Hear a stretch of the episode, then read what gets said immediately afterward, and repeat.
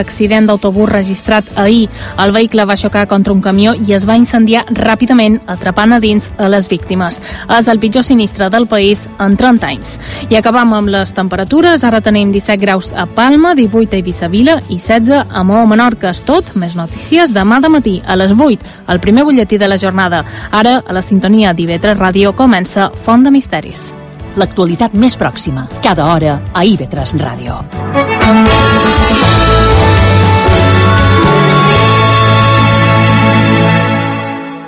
IB3 Ràdio. La ràdio autonòmica de les Illes Balears.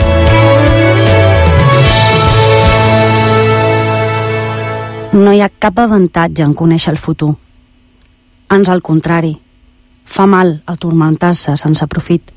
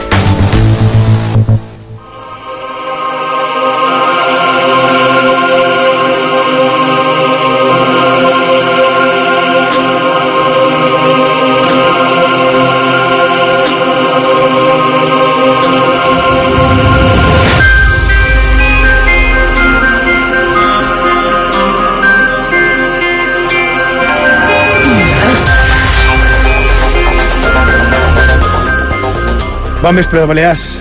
Som en Xema Font i juntament amb en Borja Rigo a producció, en Sergio Rigo banda s'ordinador i en Miguel Soler en els comandaments tècnics, bordenant la benvinguda a l'edició 103 d'aquesta trobada radiofònica anomenada Font de Misteris.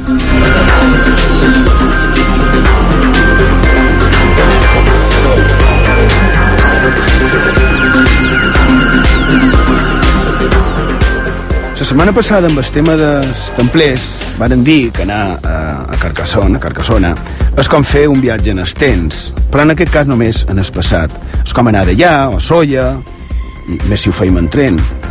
També pujar del Vila Eivissa, ja no diguem a la Menorca de les taules i, i semblants, no? en aquesta Menorca teleiòtica, que per cert, l'altre dia vaig sentir en els nostres companys dels informatius que van dir que Menorca estava molt bé posicionada per ser triada, la seva candidatura, a formar part del patrimoni de la humanitat per la UNESCO. Segur que ho podrem aconseguir. En aquest cas perquè sembla que s'ha sabut mantenir el nostre passat. No? I d'això anàvem que hi ha molt d'indret de les nostres illes que semblen un viatge en els temps, cada vegada manco, a veure si aconseguim mantenir-ho no? per les properes generacions, però cap endavant. És possible poder anar cap endavant? És possible viatjar cap al futur? És possible anar cap enrere, cap al passat, i després tornar-hi a, a lo que diríem el present?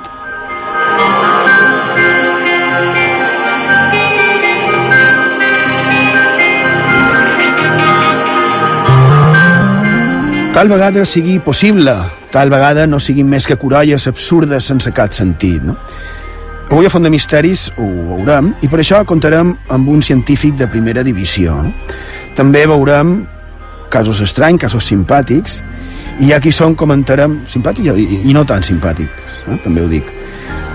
I també comentarem una saga de pel·lícules, per a nosaltres boníssimes, que, que es diuen Back to the Future, tornant en el futur, Regreso al futur, al futur, en castellà, i el motiu de fer-ho és perquè ara, senyores i senyors, ara ja som en el futur.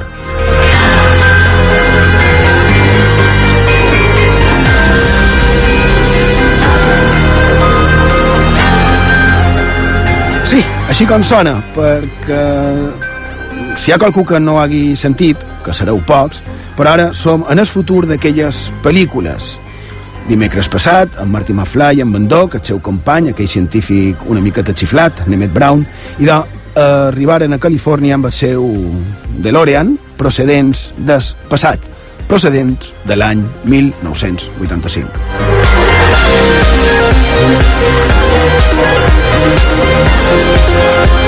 Thank you. I no, no han perdut el nord. Feien referència a que a la pel·lícula, amb una pel·lícula en la que amb un cotxe fan viatges en estens, es fixen com a destinació en estens el 21 d'octubre de 2015, fa tres dies. I si vos en recordeu, quan la varen veure, els que tenim més de, no sé, 35-40 anys, ens va semblar tan i tan en fora en el temps, no? I fixeu-vos, ja hi som, ja hem arribat, estem en el futur, no? Un futur que la veritat és que ens semblava molt, molt llunyà quan eren jovenets, no? Que fort.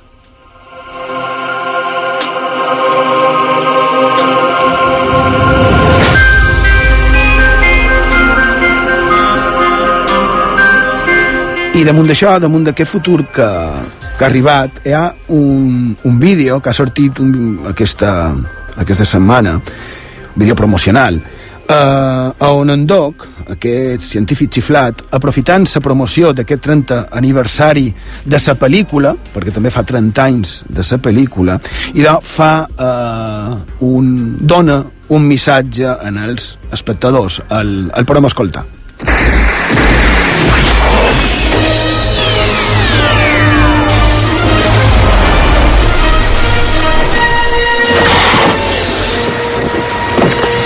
Great start. If my calculations are correct, it is now precisely October 21st, 2015. The future has finally arrived. Yes, it is different than we all thought. But don't worry, it just means your future hasn't been written yet.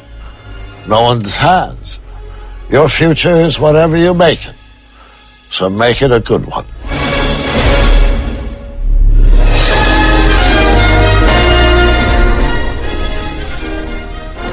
Ho hem escoltat en anglès. Bon vespre, Sergio, com estàs? Bon vespre, Gemma. Uh, bé, lògicament hem escoltat la versió original d'aquest missatge de, del doctor Emmett Brown eh, i que diuen perquè ho puguem entendre? I de, en Doc diu, si els meus càlculs són correctes, estem exactament el 21 d'octubre de 2015. El futur finalment ha arribat. Si és diferent del que tots pensem, però no, no et preocupis. Només vol dir que el teu futur no s'ha escrit encara, ni el de ningú. El teu futur és tot el que tu fas, així que fes el que sigui bo.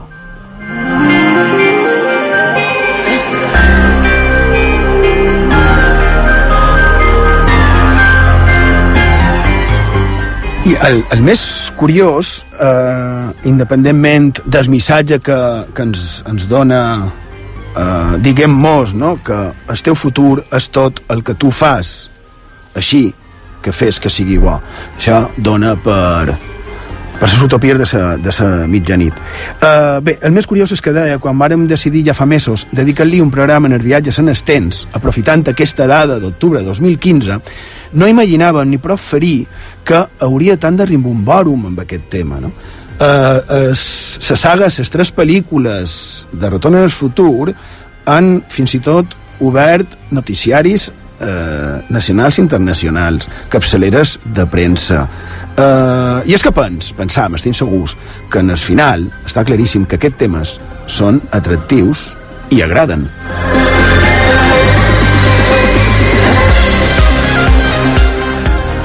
Jarriba, bon vespre. Bon vespre. Que estem escoltant?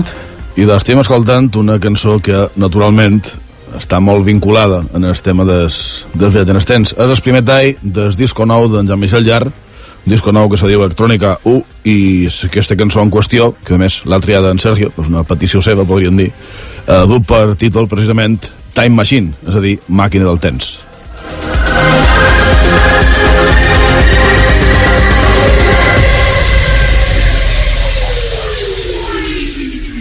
I sí que, precisament, podria ser la música que duries dins la màquina del temps si haguessis de fer un viatge.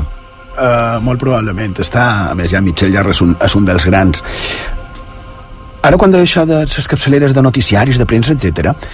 Uh, ahir vaig, me van enviar el, link d'un programa d'un un talk show d'Estats de, Units on vàrem fer que en els que mos agraden aquestes coses no? uh, realment va ser però molt emotiu i impressionant. Eh, estaves presentador parlant, un talk show, eh, un programa tipus magazine dels vespres, típics de Nord-Amèrica, i eh, en aquell moment els junts fan una cosa rara, fan una cosa molt estranya, comença a una espècie d'efectes lluminosos bastant interessants, i de cop i volta un fumeral i entra el DeLorean amb en Marty McFly i amb en Doc arribant en el futur. Va ser impressionant.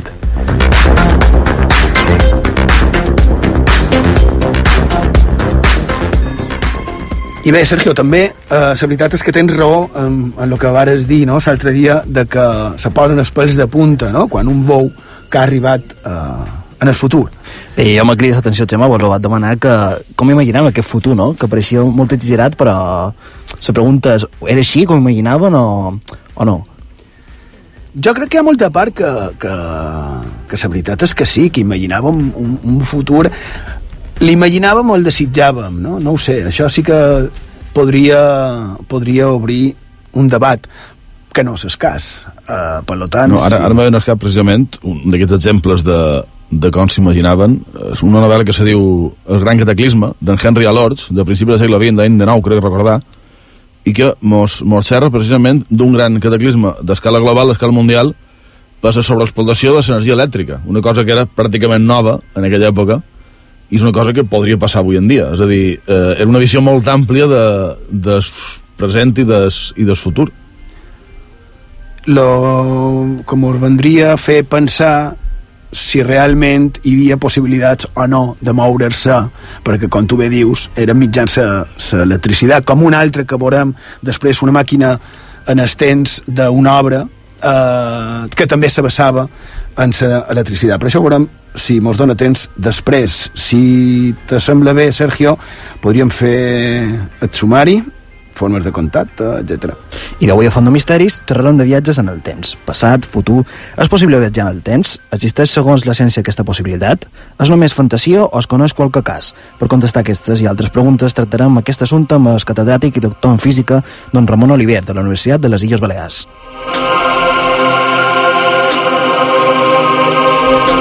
Més tard, a la secció de Món Diversos, repassarem algunes notícies curioses que han passat o estan passant a les Balears i a la resta del món. Sense anar més en fora, després ho comentarem l'altre dia, on un enclau tan màgic com es vedrà, es va fotografiar un estrany fenomen a la mà. Després ho comentarem. I ja per acabar, llegirem els missatges que ens fan arribar els oients a les xarxes socials del programa. Ja ho sabeu, ens podeu enviar tot allò que vulgueu, tant a Facebook com a Twitter, cercant Font de Misteris i emprant l'etiqueta Font de Misteris IB3. També teniu l'opció del correu electrònic fontdemisteris arroba ib3radio.com o del WhatsApp, apuntau, és el 659 16 69 52. Ho repetim, 659 16 69 52. Avui també aprofitam per demanar-vos el següent. Creus en la possibilitat de viatjar en els temps? Finalment, ens podeu seguir en el nostre compte d'Instagram. Es podeu trobar cercant Font de Misteris IB3. I si vos sembla, una altra pregunta. Si poguéssiu viatjar en els temps, a on aniríeu i què faríeu?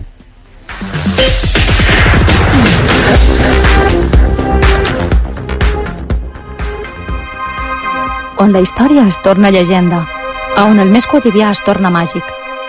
Acompanya'ns a la nostra font de misteris a IB3 Ràdio.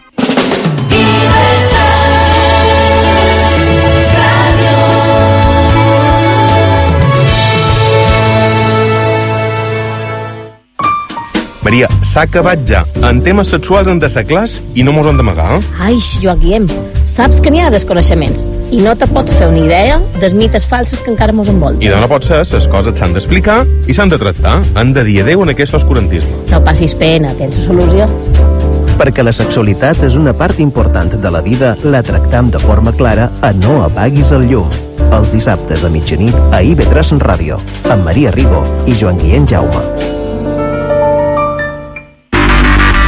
Molt bon dia, benvinguts en aquesta nova edició de, de Zona Mixta. Ahir el Mallorca va guanyar. I com no, Rafael Nadal, que ha debutat a l'Oberta d'Austràlia És un dia de reaccions, és un dia d'opinió, és un dia de debat i d'anàlisi. A la meva esquerra, Miquel Àngel Tous, en Miqui Miqui, bon dia. Bon dia. Eleni, bon dia, Joan Bibiloni. Bon dia, com estàu? Jaume Ginar. Com anant? Bon dia. Polo Ramon, bon dia. Dani Baljacoba, bon dia. Uh, Albert Sales. Oh, bon dia, com estàu? Bon dia. Però feim un pot de cas. Feu el que vulgueu, però no ho fiqueu en lloc amb demà amb prudència. Zona mixta, de dilluns a divendres a la una del migdia, amb Alejandro Jurado. IB3 Ràdio, la ràdio autonòmica de les Illes Balears.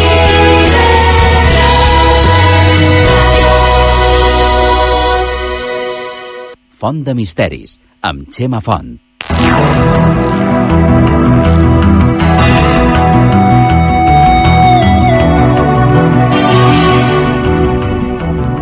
Seguim a Font de Misteris, a la sintonia IB3 Ràdio. A Mallorca ens podeu escoltar en el 106.8 de la freqüència modulada.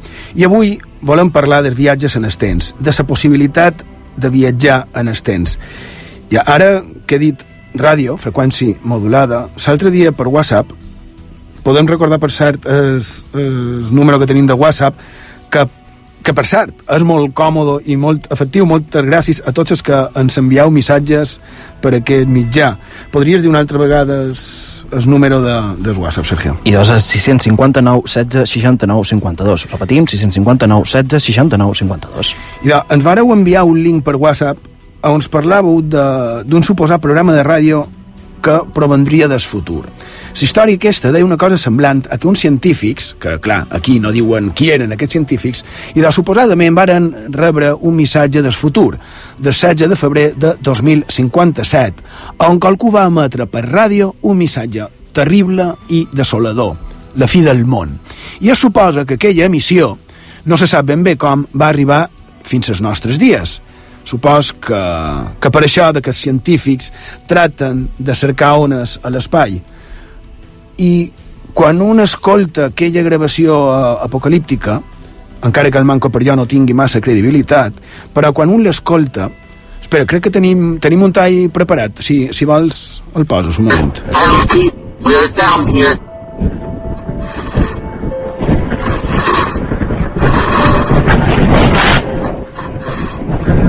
Alpha Dave, Alpha Dave, one two one, respond. Alpha Dave, one zero one, please respond. Over.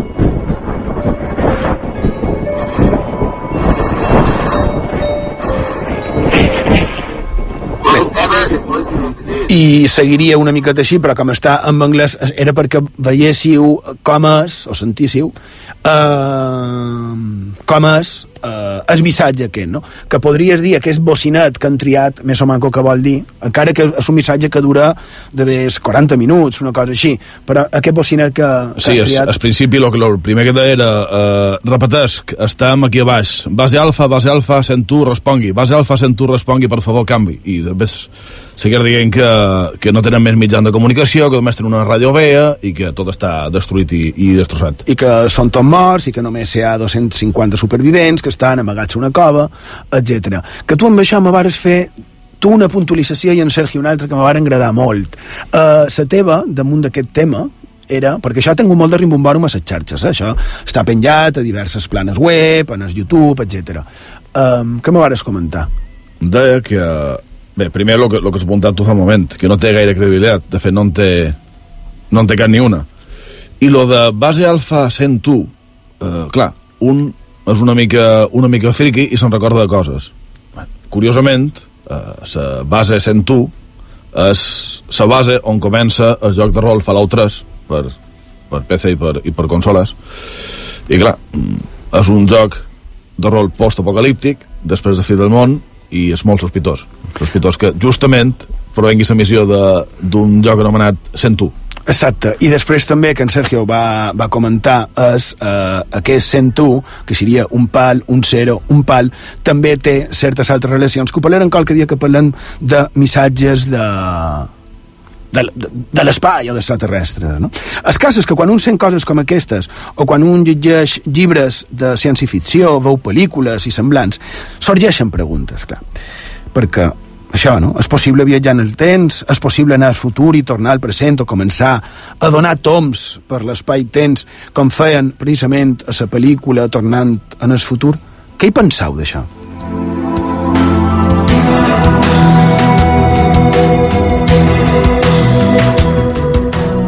I de com solem fer a Font de Misteris ens hem posat en contacte amb una de les persones que probablement més poden saber de, de física a la nostra comunitat autònoma. De fet, a part de, evidentment, llicenciat, també és doctor en física, també és catedràtic del Departament de Física de la Universitat de les Illes Balears, està especialitzat en ones magnetohidrodinàmiques a l'atmosfera solar, de fet, investiga l'activitat solar, tema també del que fa temps, com no pot ser d'altra manera, tenim previst fer un programa monogràfic precisament amb ell, del tema del sol, i publica habitualment a diferents revistes i, i semblants especialitzades en el tema, com per exemple, això són paraules majors, a la pròpia enciclopèdia of Astronomy and Astrophysics, amb l'article Solar Prominence Oscillations, que vol dir una cosa semblant a oscil·lacions de la prominència solar, que no sé ben bé què vol dir, ja si un cas ens ho explicarà el doctor don Ramon Oliver. Moltes gràcies, eh, doctor, bon vespre, gràcies per estar a Font de Misteris amb nosaltres. Com estàs? Hola, bon vespre. Molt content de que m'hagueu convidat a participar en el programa. Molt, moltíssimes gràcies. Bé, i evidentment, a part del tema del sol, evidentment, encara que el tema pugui semblar absurd, viatjant els temps, perquè sembla cosa de, de còmics i de pel·lícules, però tenim entès que, que, que la ciència, la, la física en mayúscules, està al darrere d'investigacions damunt d'això. És així? És a dir, és possible que científics de primer nivell estiguin dedicant esforços en averiguar i determinar si són o no possibles els viatges en el temps? O sigui, de fet, la pregunta és, són possibles els viatges en el temps? Mm, efectivament, com dius, hi ha físics, mm, serveis molt molt profuns, molt importants, que s'han dedicat a, a, no específicament en això únicament, però sí que dins la seva, el seu camp d'estudi s'han trobat amb aquesta possibilitat de, de viatges en el temps. Eh, te puc xerrar des de gent com Einstein, fins ja més recentment, per, per dir noms que la gent conegui, sí. gent, gent com en Hawking. Són persones que han estat fent feina i dins la seva, com repeteix, dins, dins el seu camp han sortit la possibilitat de fer viatges en el temps i per tant la resposta és que sí, que és possible fer viatges en el temps segons les nostres teories, el nostre coneixement actual. Això m'ho sap tot un, un món, com a mínim, de, de possibilitats, el manco, o, o d'imaginació, i, i, si, i si m'ho permets, d'esperança, de, no? Um, per a una cosa són els viatges en el temps, m'imagino, i l'altra serien les màquines del temps. Efectivament. Eh, idea aquesta que tenim tots de, per exemple, Marty McFly agafant el cotxe que és de l'Orient i instantàniament passat d'un any o d'un moment en el temps endavant o enrere, això és una cosa que en els nostres coneixements, repeteixo una altra vegada, i les nostres hipòtesis, això no és possible. No el manca amb una màquina tan senzilla. Per fer viatges en el temps se contemplen estructures molt més complicades que ara anirem eh, xerrant, supos. Uh, sí, anirem fent una, una conversa que si pot ser que sigui a l'abast de, de gent que no entén massa la física com jo mateix, no? Des, perquè després hi ha coses que segurament se mos perdran. Um, hi ha constància del que serien uh, gent que hagi pogut anar i venir com a tal? Això és un, una qüestió bastant important, perquè la gent que diu que no és possible viatjar en els temps, particularment viatjar cap en el passat, no? Hi ha diferències entre anar cap en el futur i cap en el passat, com podran discutir. I de la gent que estan, diguem, que, que pensen que no se pot viatjar cap en el passat, un argument que donen és que no s'han detectat o no s'han trobat turistes temporals. Això voldria dir gent del futur que ha vengut cap, a, cap al nostre present.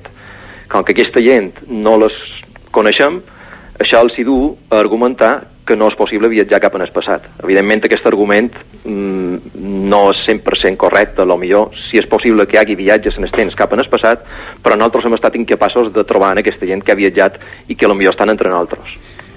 Tenc apuntat, el que no sé on, per qualque però d'aquí damunt eh, hauré de memòria perquè és que no me'n recordo on ho tenc apuntat eh, que eh, qualque universitat eh, varen varen cercar en es, a les xarxes aquesta possibilitat. Uh, M'ha sorprès que, que ho comentassis perquè ara aquí ho tenc. Astrofísics de la Universitat Tecnològica de Michigan varen decidir cercar mitjans les xarxes a veure si hi havia o no viatgers en estens basant-se en la possibilitat de que haguessin publicat qualque fet futur a ses, a ses xarxes. Això me va cridar molt l'atenció, perquè a més ve a dir un poc el que, lo que has comentat, no? Quan no ho han dit, bueno, pues tal vegada no sigui, no sigui vera que hagin viatjat, no?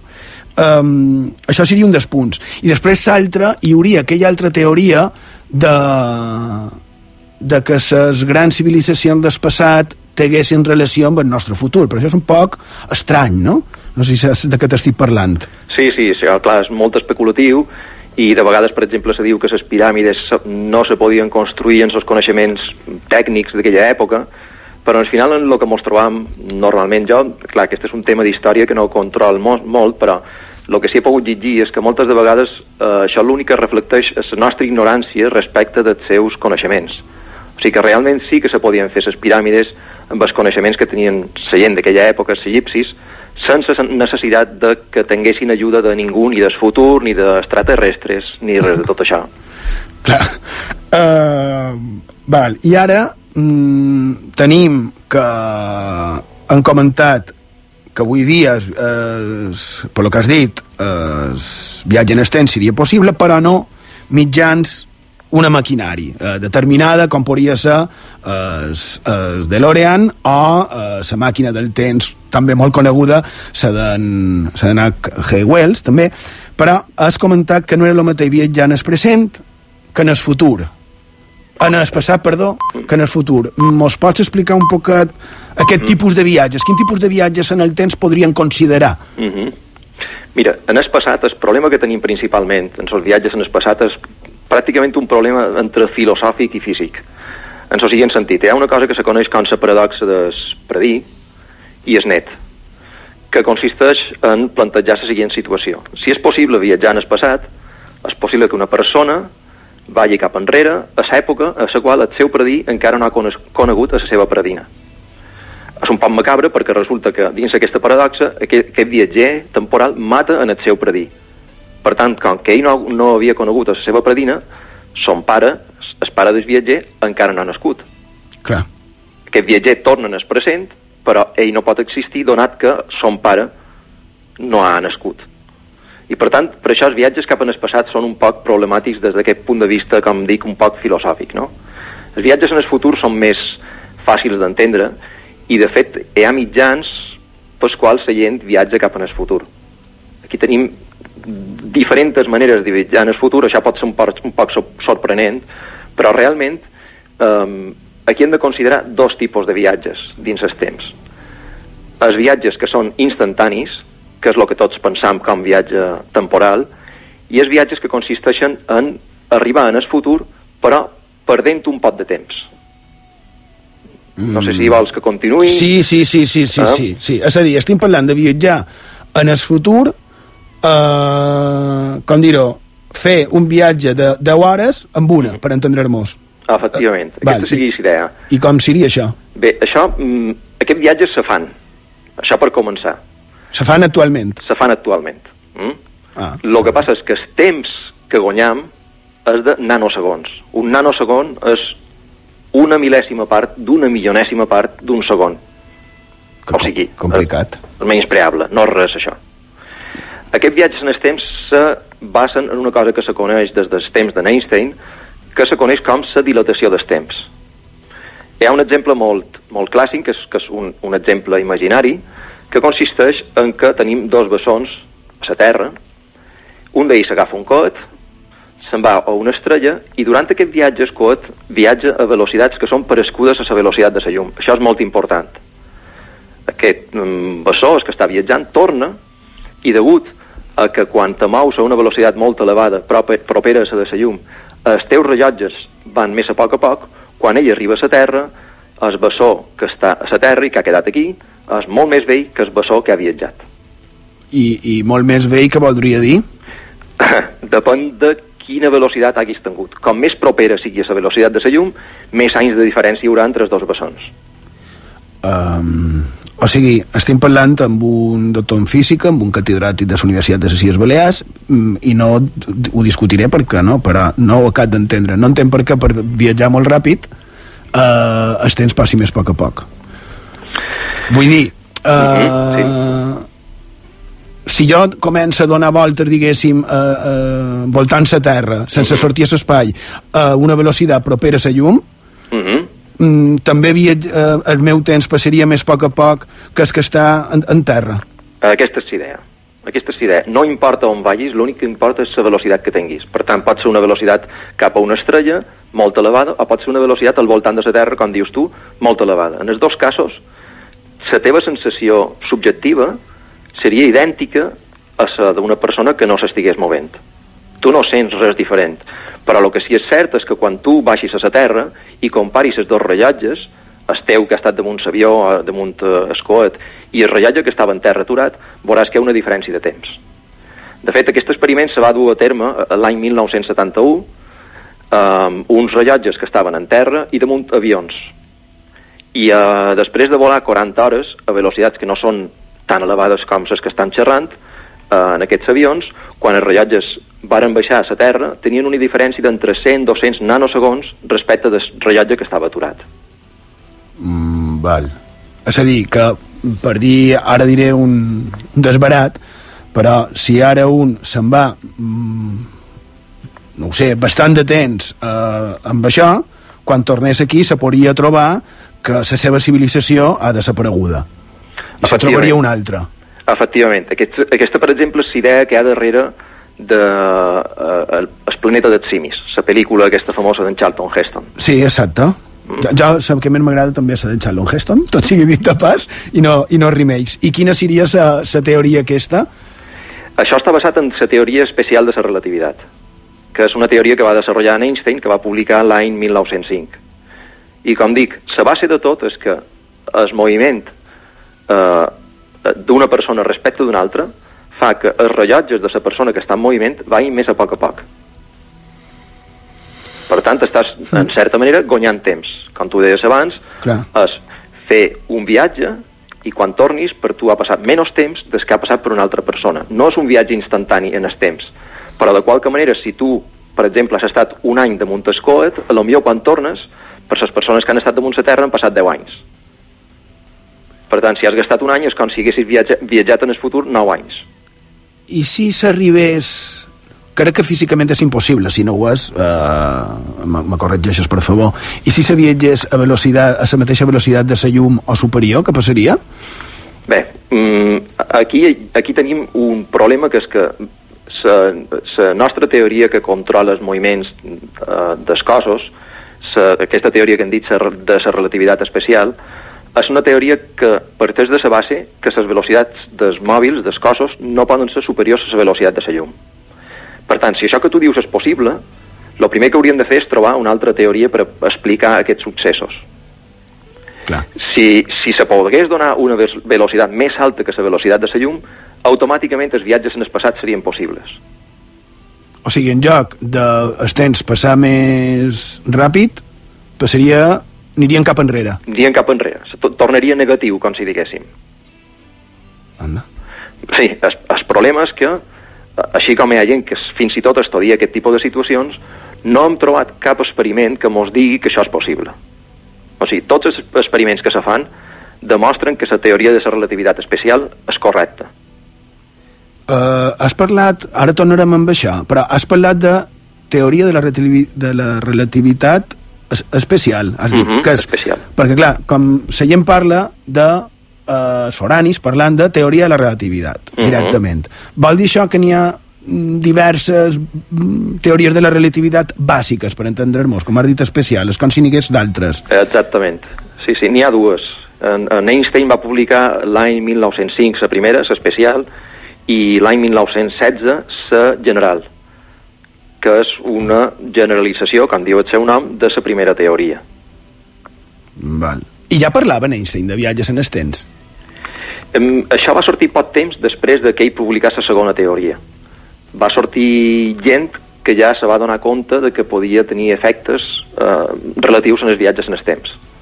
No som conscient de que ell ho digués, tot i que és possible que sí, eh? Curiós, eh? Això, això és curiós, que per cert, parlant dels temps, com jugam amb, amb els temps, perquè d'aquí un parell d'hores farem un, una hora en el futur. Perdrem una hora, no?, que després ja recuperarem eh, amb el canvi d'hora, vull dir. Um, A veure, volia, volia comentar en, amb, amb aquest tema. Els experiments que s'estan fent, que has dit que s'estan fent experiments i això, quin tipus d'experiments són? Té que veure amb els... Eh, com, a, com se dirien? Mm, forats, eh, forat de cuc. Sí. Mm, Se diuen així? Els forat de cuc són unes, unes estructures que són mm, estructures de les que no tenim cap constància. Si vols, abans de xerrar del forat de cuc, anem a xerrar dels experiments que tu dius. Sí. Uh, experiments, per exemple, per comprovar les teories d'Einstein, se poden fer en el CERN, en sos acceleradors de partícules. Ah, així també vull parlar del CERN. Sí, sí, sí, sí. Això són experiments que te, te donen dades que tu llavors pots contrastar en les teories. D'acord? I, i, I quan t'he dit que hi ha experiments que, co- que, que corroboren les teories d'Einstein, per exemple, són experiments que estan relacionats amb eh, acceleradors de partícules. També hi ha experiments que són més mm, tipus astrofísic. Per exemple, observar estrelles, observar galàxies, observar el que se suposa que hi ha al voltant de forats negres, eh, pulsars, tipus especials de- d'estrelles, i aquest, aquests experiments també donen una cor- concordància en les teories d'Einstein. És per això que t'estic dient que, clar, no hi ha res que mos faci pensar que, per exemple, com tu demanaves, es sigui possible anar més ràpid que la velocitat de la llum. Mm, ja. Llavors, l'altre que m'has dit, és, és forat de cuc. Sí. Eh, D'això no tenim cap constància de que existesquin. És una estructura que surt de la teoria de la relativitat general, la segona, la més complicada, és una estructura que surt d'aquesta teoria i que se suposa que se pot emplear per fer viatges en el temps, però ja de tipus instantani. Des que, de la manera que nosaltres entenem que és un viatge en el temps. No és el tema aquest de guanyar temps a base de que els rellotges vagin més a poc a poc, sinó serien ja viatges instantanis. Mm, tipus és de les pel·lícules. Tipus és de les pel·lícules. O, o tipus, no sé si estaves escoltant abans de, de que sí. te telefonàs en, en Miguel, no sé si escoltaves la ràdio, però han parlat d'un suposat missatge que va venir del futur, diguéssim que a veure, que jo ho pos i, i ho hem comprovat perquè en, Borja fins i tot ha dit de bon podria haver sortit, no? que es, seria tal vegada la promoció d'un d'un joc, no ho sabem, ho, mm -hmm. ho investigarem. Però en aquest cas, suposem que aquest missatge fos cert, seria, no ho sé, dic un desbarat, entra dins un forat de cuc i mos arriba, seria una cosa així. Això és una possibilitat que podríem tenir, efectivament. Perquè, clar, eh, en el final, les zones de ràdio, si això realment ha arribat com a ones de ràdio, les zones de ràdio són partícules que se diuen fotons. Per tant, el que s'hauria fet, si això fos possible, seria enviar fotons des del futur cap en el passat. O sigui, des de 2050, no sé què heu dit... 7, 2057. Exacte, fins 2015. Mm. Això seria un exemple de viatge eh, temporal instantani, suposadament. Eh? I, I això seria, en aquest cas, només damunt dels papers. No hi ha cap constància, com bé has dit, no? no ha... Exactament. Val. I el forat negre? Hi ha qualque diferència, perquè el forat negre sí que existeixen, no? Aquestes... Els forats negre tenim bastanta evidència de que existeixen. No, no se veuen directament, perquè evidentment no surt res d'allà, dels forats negres, però sí que el que podem veure és la matèria que hi ha al voltant. I la manera que se comporta mos fa veure que el que hi ha allà al mig és un forat negre. Els forats negres mos permeten eh, també fer un tipus de viatges en el temps que és parescut en els d'abans, que vos deia de fer que els rellotges vagin més a poc a poc. Sí. Això és el que s'emplea a la pel·lícula Interstellar, que quan els viatgers... No sé si poden fer un spoiler aquí. Sí, pot dir el que vulguis. Sí, no? Quan la gent s'acosta sí. en el forat negre, ja pràcticament bastant a prop del final, resulta que ja els rellotges seus comencen a anar molt a poc a poc. I no és necessari que te moguis a una velocitat molt elevada. Senzillament per estar a prop d'un forat negre te passarà això. I quan ells tornen a la Terra, se troben que la gent que hi ha a la Terra són més vells de lo que haurien estat normalment. Mm, pels temps que ha transcorregut en el seu viatge. I per què se donaria aquesta situació a prop d'un forat negre? En cas de que se donés, perquè no ho sé. Mm -hmm. Això pareix bastant clar també que se dona. Se, se, se té també eh, experiments, o sigui, observacions de, de, que demostren que això és així, i se deu a que quan més a prop estàs d'una font, una font gravitatòria, més a poc a poc van els rellotges. És una conseqüència, el mateix que lo d'abans de la velocitat. Sí. Si te mous molt ràpid, el teu rellotge va més a poc a poc, si te mous, o sigui, senzillament si te col·loques a prop d'un forat negre, els teus rellotges aniran més a poc a poc. Perquè quan més a prop estiguis de la font gravitatòria. Mm -hmm. Llavors, això a la Terra també implicaria que els temps anés a diferent velocitat a dalt d'un 8.000, a tu que t'agrada tant la muntanya, uh -huh. com a, a nivell de la mà. Totalment, és així. Totalment, el que passa és que estan xerrant de diferències que són de nanosegons, com lo d'abans. O sigui, eh, quan estàs a dalt d'una muntanya, el temps va un poc més a poc a poc que quan estàs a nivell del mar, com tu dius. I per això la gent, que, els astronautes, per exemple, que passen temps a l'espai, tornen més joves en comparació que la gent que ha estat damunt la Terra. Però la diferència d'edat és, vamos, menyspreable. Clar. O sigui que tu fas muntanyisme per, per tornar-te jove. Exacte, i les arrues no surten així. Exacte.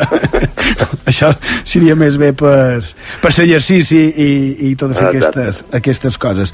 Um, has comentat el, el CEN, Uh, a veure, te sembla... Te, mos pot dedicar més temps? Ho dic perquè faríem sí. una petita pausa i res, molt breu i tornem i si t'assembla seguim parlant de, de tots aquests temes eh, en tu perquè troc que és increïble i molt, molt, molt apassionant. T'assembla bé? Sí, sí, perfecte. I de fem una petita pausa i tot d'una continuem aquí a Font de Misteris, a IB3 Ràdio.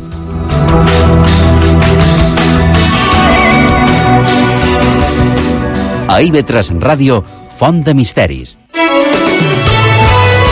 IB3 Ràdio, la ràdio autonòmica de les Illes Balears. Els capvespres d'IV3 Ràdio són per passar una bona estona i oblidar els problemes quotidians, per rebre l'assessorament de professionals qualificats, per escoltar entrevistes ben interessants.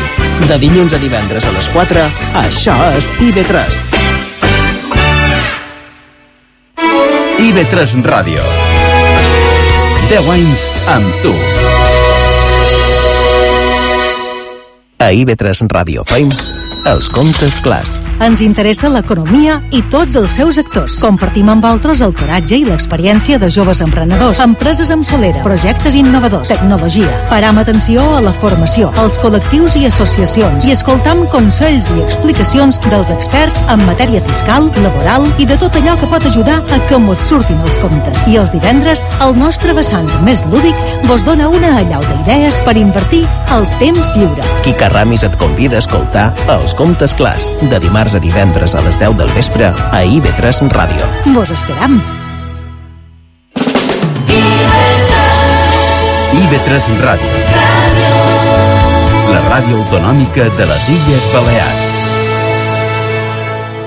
A IB3 Ràdio, Font de Misteris, amb Xema Font.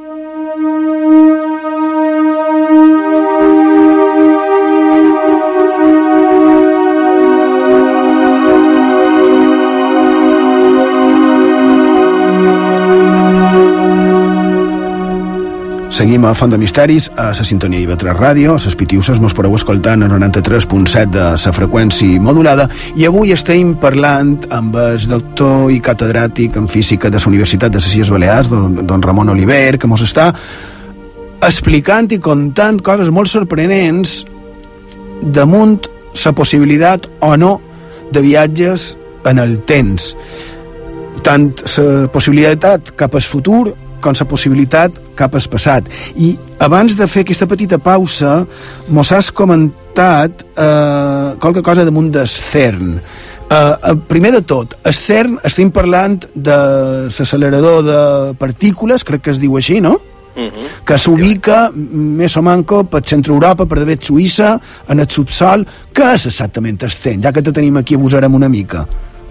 Bé, el CERN és un, una institució, diguéssim, a la qual no només hi ha un accelerador de partícules, en tenen uns quants, i el darrer que han fet és, és efectivament, és un anell que està baix terra, eh, se fa en forma d'anell perquè ells el que volen fer és fer circular partícules, en aquest cas, per exemple, protons, a velocitats molt elevades.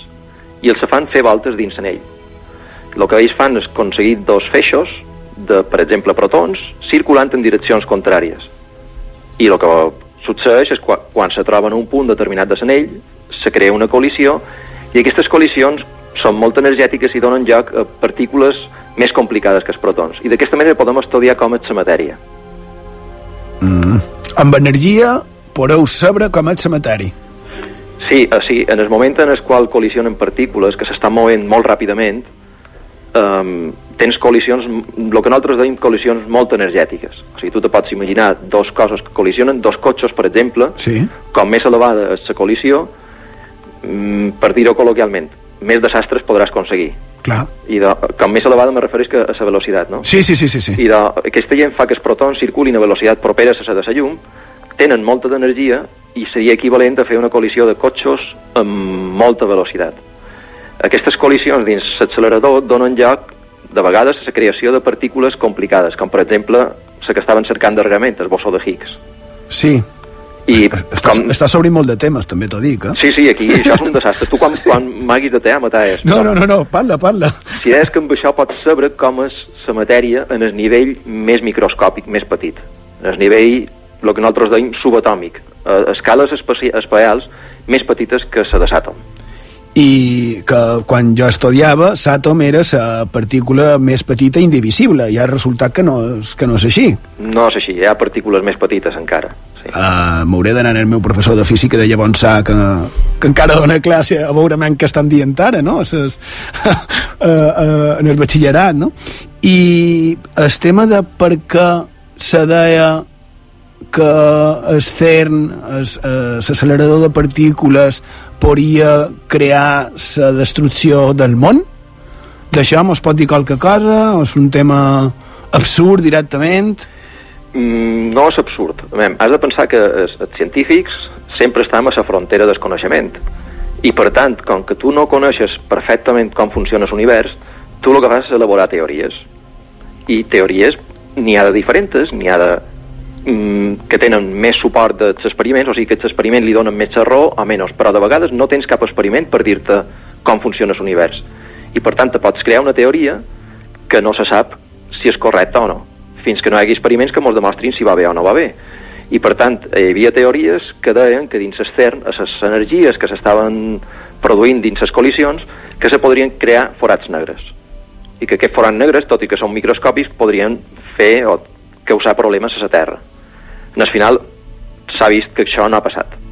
O sigui, els experiments no han creat forats negres, el, el manco nosaltres no tenim consciència d'això, i per tant aquestes teories han quedat desacreditades. La ciència funciona d'aquesta manera, eh? Se creen teories i n'hi ha que tiren endavant i n'hi ha que senzillament s'aborren i desapareixen. Ara anava a dir una, però crec que no la diré, no la diré. Lo que, ara sí diré una. Ara te faré una pregunta, no té res que veure. Uh, ara en Sergio se posa les mans en cap com dient ara què dirà aquest. No, pot ser, no té res que veure en tot això.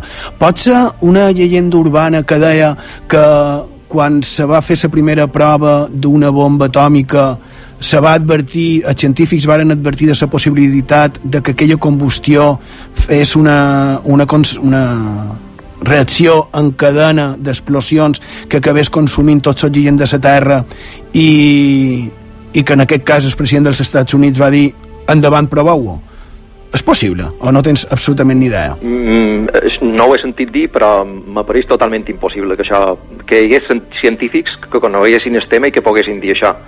De fet, te puc dir tot el contrari.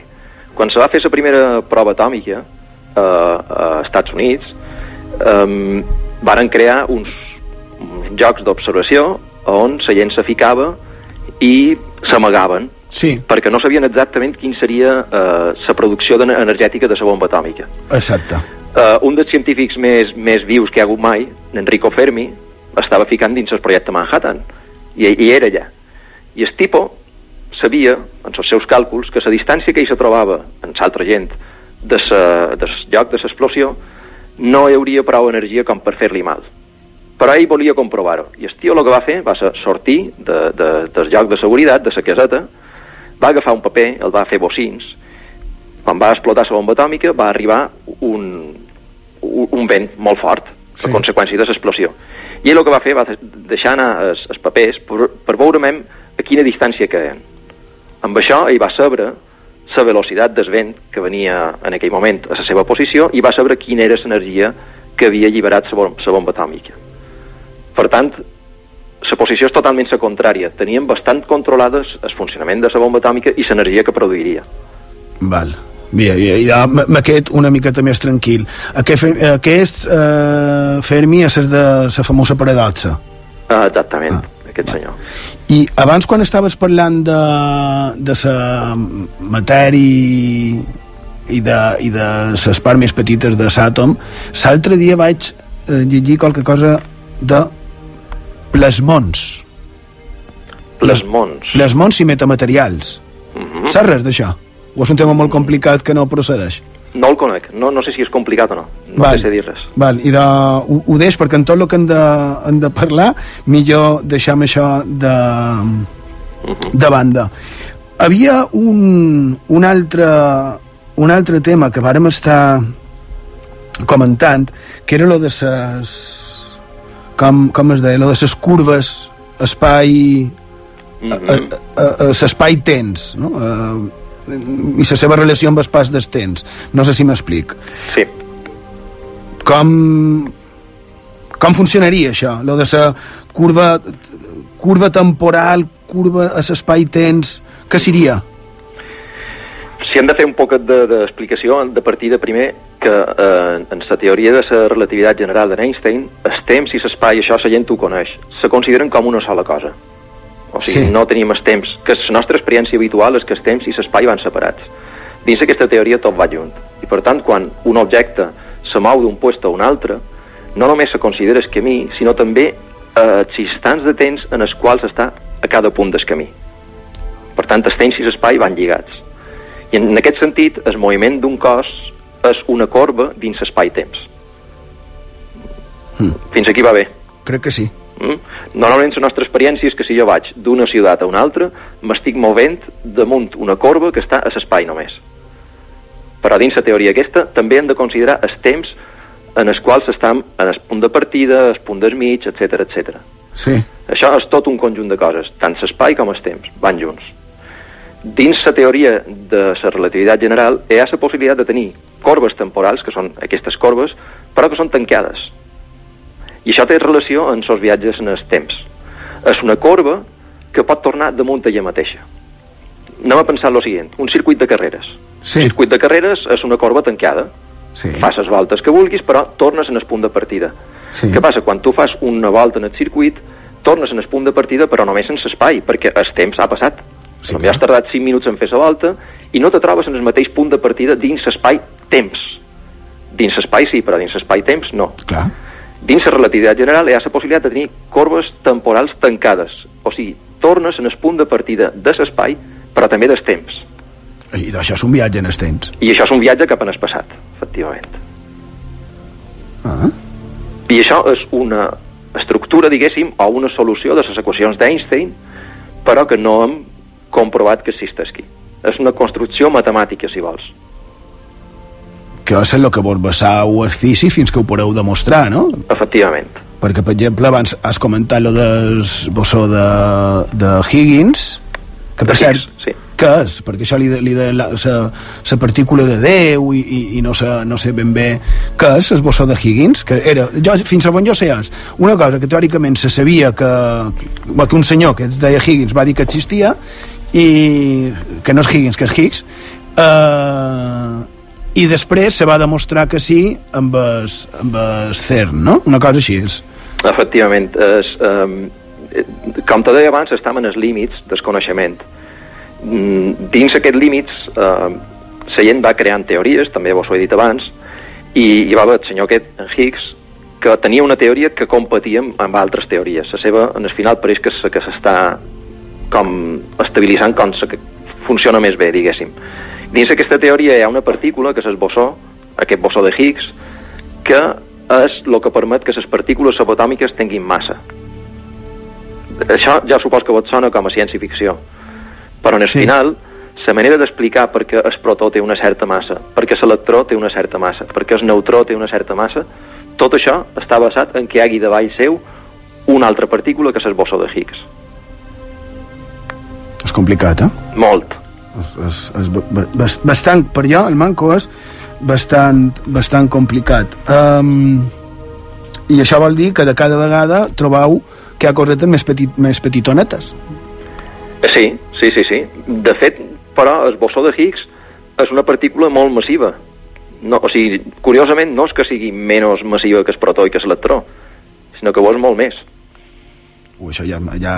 Crec, crec que aquí sí que... Uh, aquí mos perdem. Jo crec que retomam una miqueta um, una de les... Um, ara aquí a lo millor com a, com a científic eh, me dius que, que, que pues això, precisament que he perdut una miqueta el nord però jo ho deman eh, quan a la, a la possibilitat suposem que és possible viatjar en el passat ja sigui mitjan aquesta curva tancada, que has comentat abans, aquesta, aquesta mena de circuit, ja sigui mitjans eh, entrar eh, o, o sobrepassar la velocitat de la llum o qualsevol altre sistema.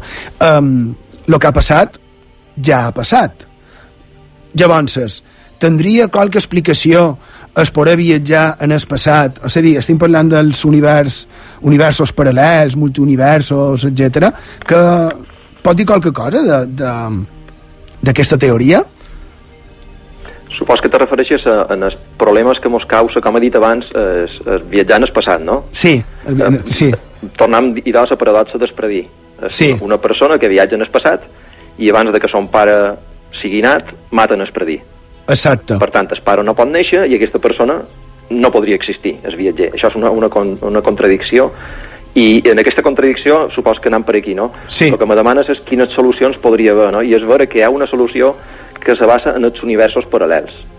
Eh, eh, la teoria dels universos paral·lels és independent dels viatges en el temps. Aquesta teoria el que diu és que en aquest precís moment, ara mateix, totes les coses que poden passar no importa que siguin absurdes, estan passant.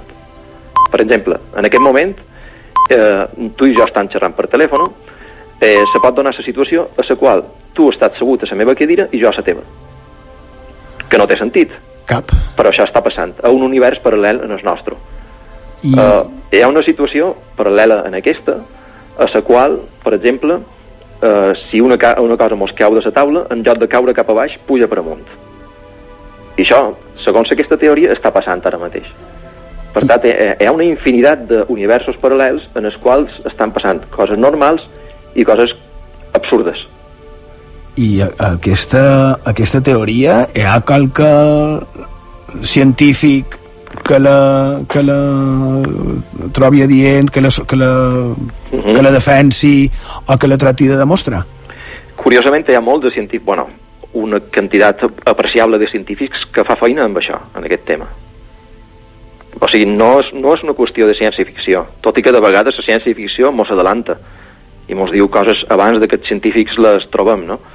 Uh, això és una cosa damunt la qual fan feina científics i, i, i clar, hi ha bastant de discussió perquè hi ha gent que diu que això és fals i que mai se podrà comprovar i hi ha gent que diu que sí no sé si demanar-te l'opinió, crec que no te la demanaré per si un cas, perquè uh, millor no, no demanar-t'ho.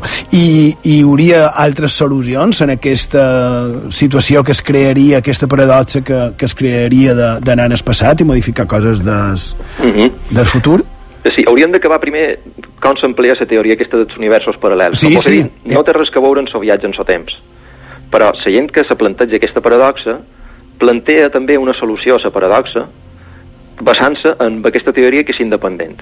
I aquesta gent diu, bueno, aquest viatger va en el temps, cap enrere, mata en predir, no sé per què, però bueno, no de pensar que ho fa, i se crea un univers paral·lel en el qual, perquè aquests universos paral·lels també se poden crear. O sigui, és com una ramificació que contínuament se creen opcions noves, no?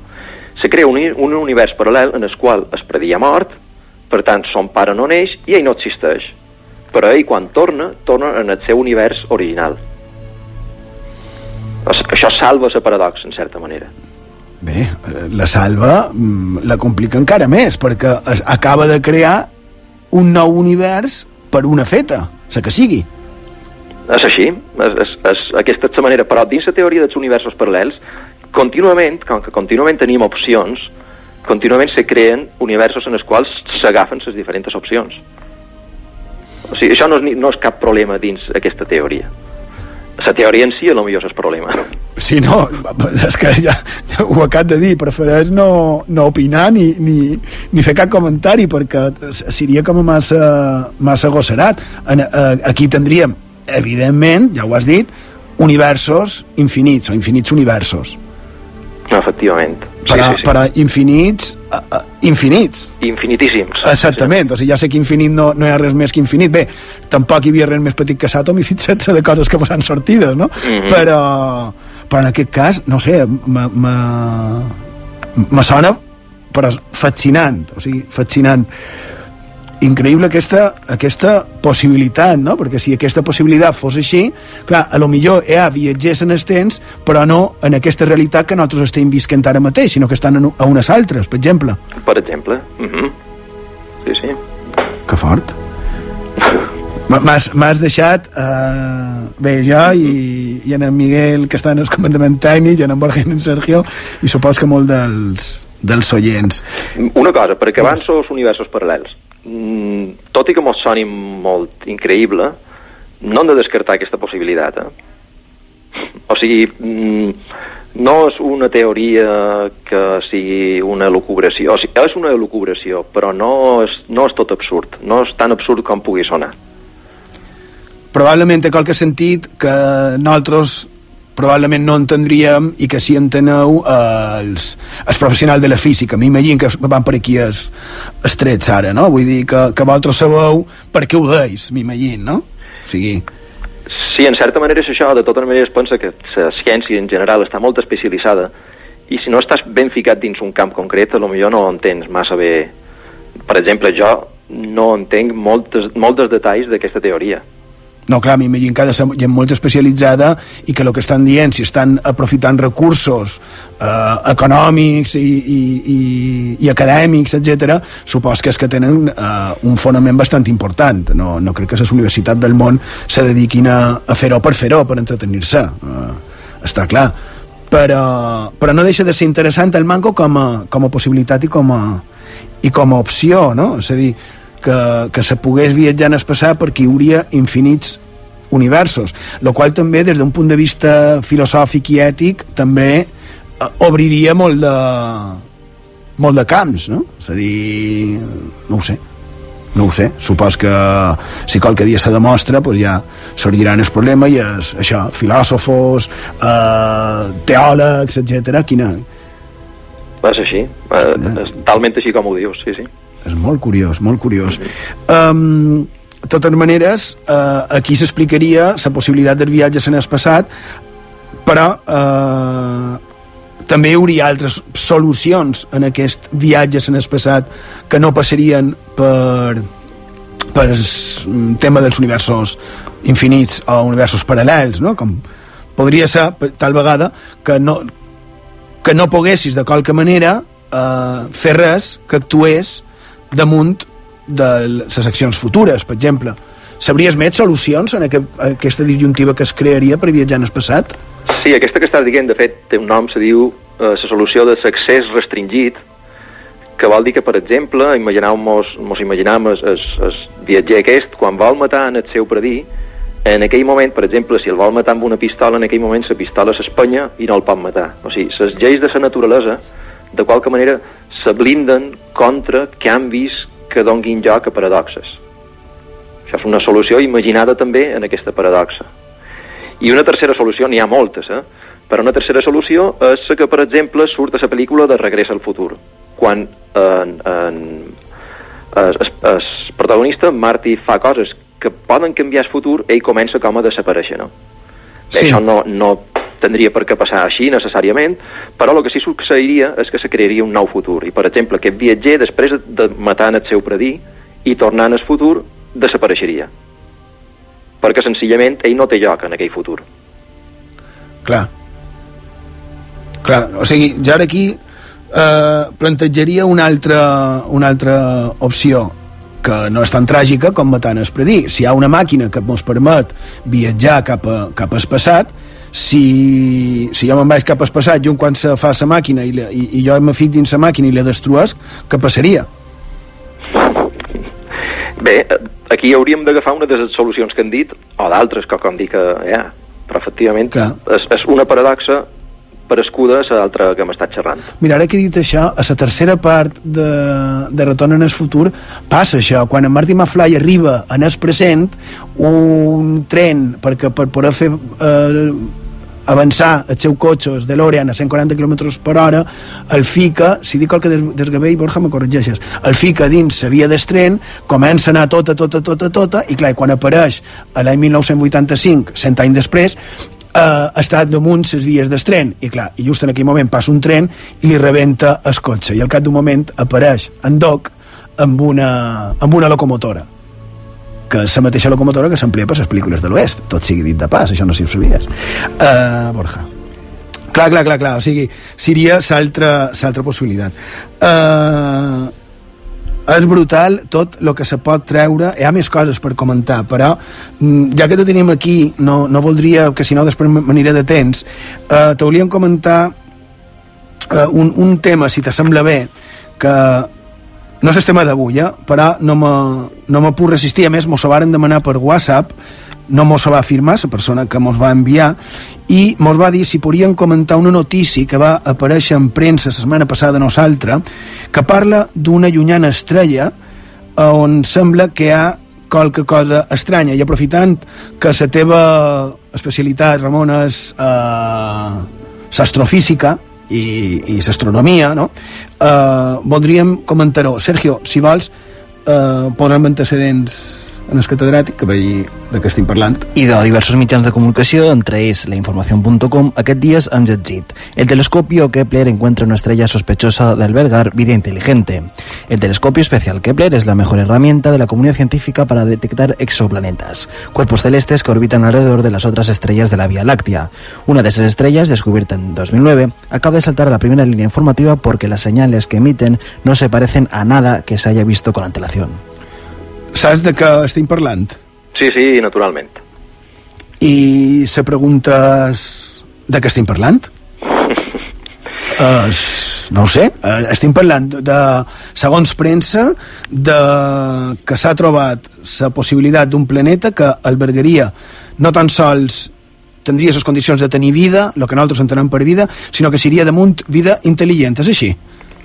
Sí, um, aquesta estrella s'ha estudiat, uh, aquest objecte, um, amb un satèl·lit, se diu Kepler, que se dedica a cercar planetes que envolten, o que fan voltes a estrelles diferents de la nostra, exoplanetes.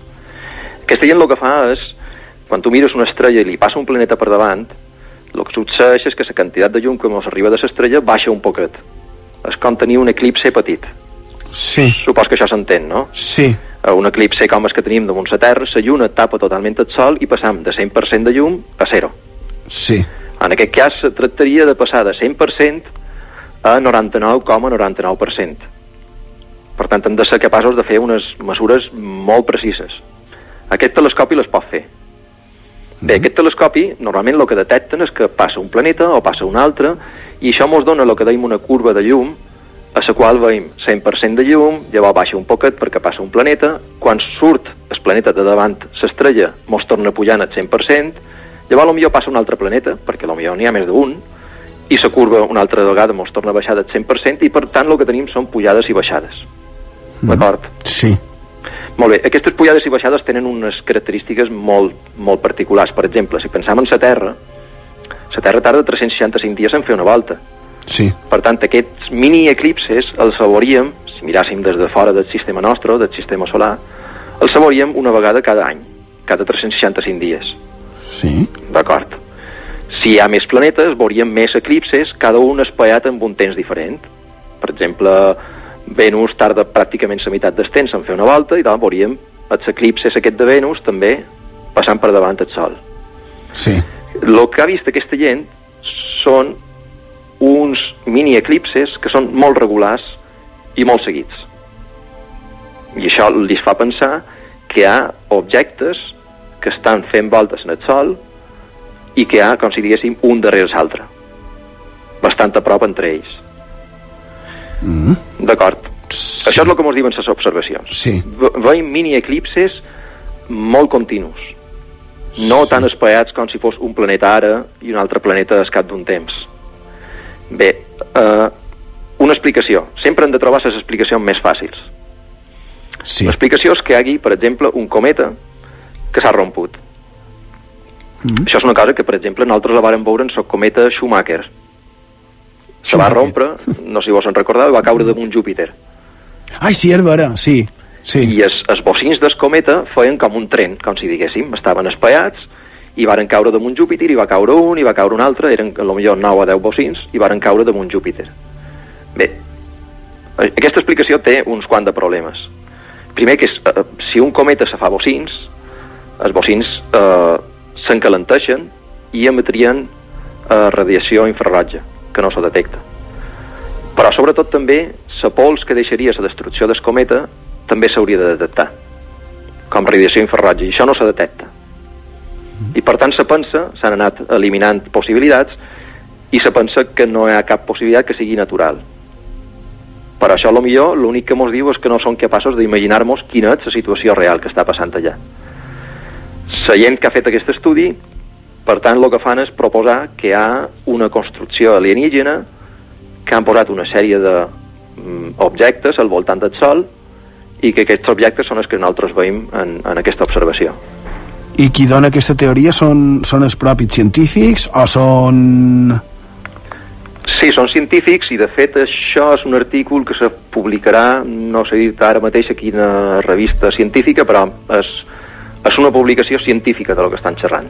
I has dit que se publicarà, és a dir, tu ja tens el coneixement de que això s'ha de publicar a qualque revista d'aquestes sense que, per exemple, tu mateix escrius com a científic. Efectivament, sí, sí, sí, és Sí. així, perquè quan tens un descobriment d'aquest tipus el que fas és, en un moment donat, fer una roda de premsa.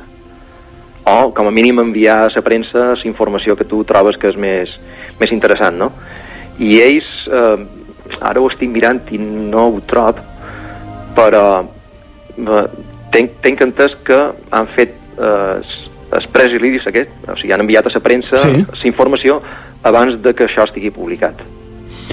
Uh, entenem, idò, que uh, un exoplaneta, és a dir, un planeta que està, molt, està bastant en fora de, nostre, de, de la Terra, uh, un satèl·lit nostre ha detectat una possible uh, construcció, diguéssim, artificial, no, no natural. Efectivament. Mm, ara igual dic un, una d'aquestes. Si des d'aquest planeta que ha trobat el Kepler mirassin cap a nosaltres, ells veurien els nostres satèl·lits artificials o un satèl·lit és massa petit per ser vist des de tan, tan a lluny? Efectivament, un satèl·lit és massa petit, això no se veuria. O sigui, en el cas de que- d'aquestes construccions han de ser prou grosses perquè puguin realment fer un eclipse que sigui detectable des d'aquí. I estaria orbitant a un planeta. És com si nosaltres a la Terra féssim un, un satèl·lit immens i el féssim voltat de, eh, revoltant la Terra, la nostra òrbita. No exactament, eh? Farien, aquesta construcció faria voltes en el Sol. En el Sol seu, eh? a la seva estrella. Ah, en el seu sol, Sí, no sí, en el sí. seu planeta. Sí. Aquí hi ha un, una, una, mm, una idea que ve de fa molt de temps d'un senyor que se deia Dim, eh, Freeman Dyson. Eh, ell se va imaginar una construcció que se diu esfera de Dyson, que consist- consisteix en envoltar una estrella amb una esfera de proporcions astronòmiques. Per exemple, aquesta esfera podria tenir el Sol en el centre i dins l'esfera podria haver, per exemple, Mercuri, Venus, la Terra. D'acord? Sí. Aquesta esfera captaria tota la radiació que surt del Sol. I tota aquesta energia se podria emplear per el que vulguis. Eh? Sí. Bé, aquesta esfera no té per què ser sòlida. Pot estar feta a base de plaques que estan separades entre elles. Sí. I això és el que pens pensen, o sigui, el que se proposa, que és el tipus d'estructura que s'està observant. Serien com, si diguéssim, eh, com se diuen, els col·lectors solars, les plaques solars. Serien com plaques solars. Sí. No, entra- no entrarem en el tema de, de les plaques solars, però sí, plaques solars. Però la idea és aquesta, tenir estructures al voltant de l'estrella que te permetin no agafar només la radiació, la llum que ve cap a tu, cap a la Terra, sinó agafar molta més radiació, gràcies a tenir aquestes plaques que són d'un tamany astronòmic. O sigui, que podria tractar-se, sempre agafat de moment perquè no, ha, no ha estat publicat, podria tractar-se tal vegada d'un sistema de qualque civilització llunyana per poder captar l'energia del seu propi sol. Ah, exactament, aquesta és idea. Això és una passada. Sí que ho és. I jo que fins avui me pensava que la física era avorrida, i estic, estic... Però, vamos, eh, és impressionant.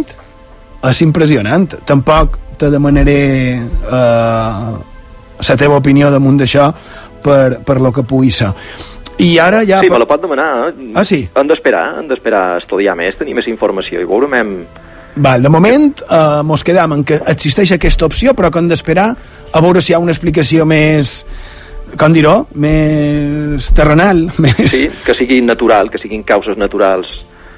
Però si en el final hi ha gent pel, pel, per l'univers, qualque moment el saborem. Això sí, però és el que va dir abans has citat en, en, en, Hawkins i que recordar que va ser ell que va dir però deixeu d'enviar missatges cap a l'espai que quan realment hi hagi qualcú igual venen i mos la...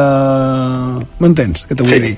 sí, sí. Crec que en Hawkins ho va dir, com dient no ho descartam, però per si un cas anem alerta, no? Perquè tant d'enviar missatges cap a l'espai no, no ho sé, eh, no ho sé, per, per lo que pugui ser. I després tindríem el tema del sol, i això ja sí que és eh, un tema per, per, per el cas de venir, crec, i el tema aquest seria les tormentes solars, que diuen que mos poden deixar eh, tocats, diguéssim, no? Eh, hi ha cer eh, certa credibilitat damunt d'aquesta teoria, tu que investigues el sol i les seves oscil·lacions magnetohidro... Man, magnètiques era, no me'n recordo. Sí, magnetohidrodinàmica. Això. Sí. Uh, existeix aquesta possibilitat de que una tormenta solar, aquestes emanacions d'energia que fa el sol atípiques, mm, puguin ferir-nos de qualque manera? És, això és totalment possible. Hem de pensar que tenim una dependència molt elevada de la tecnologia. Depenem, per exemple, de, de tenir electricitat a casa nostra, a la feina, on sigui. Depenem també de tenir telèfons mòbils, de poder veure la televisió, d'una sèrie de coses que estan basades en la tecnologia. I tot això és susceptible de quedar eh, paralitzat, per dir-ho de qualque manera, després d'una tempesta solar. tempesta solar que des de la Terra, exceptuant els que investigueu directament el Sol, eh, des de la Terra ni mos adonant compte de que això està passant. Efectivament, i se tractaria d'una situació totalment extraordinària. O sigui, tempestes solars n'hi ha pràcticament cada dia. Moltes de vegades no van dirigides cap a la Terra, no mos entenem, i quan van dirigides cap a la Terra, el que se sol veure són les aurores boreals i australs. Sí. Per tant, sí que són conscients que hi ha aquestes tormentes, però tenen un nivell d'activitat que és molt baix. Exacte. Però si qualque dia em pegàs una de forta, doncs podria passar el que va passar a, segle de, a mitjan del segle XIX, que on la premsa local deia que des de Menorca s'havia pogut veure una, una aurora boreal, lo qual també és, és inquietant. Jo crec, doctor Oliver, catedràtic de física de la Universitat de les Illes Balears que primer no te volen prendre més temps perquè mm, t'han- t'han t'hem agafat molt, molt, molt de temps t'hem tingut una hora en el telèfon. Uh, t'estem totalment agraïts, moltíssimes gràcies. Mos has eh, sorprès moltíssim, mos has explicat les coses d'una manera molt senzilla, el qual eh, també és d'agrair. I si t'assembla t'emplaçam per aviat, no vull deixar-ho córrer gaire, venguis a, a l'estudi d'IV3 Ràdio a explicar-nos precisament de lo que tu eh, investigues, del sol i de, i de l'espai, no? Te, te sembla bé? M'acceptes la proposta? Sí, sí, perfecte, així ho farem. I de Ramon, moltíssimes gràcies, molt bon vespre, i bé, aquí tens que teva. Moltíssimes gràcies, bon vespre. Igualment, bon vespre.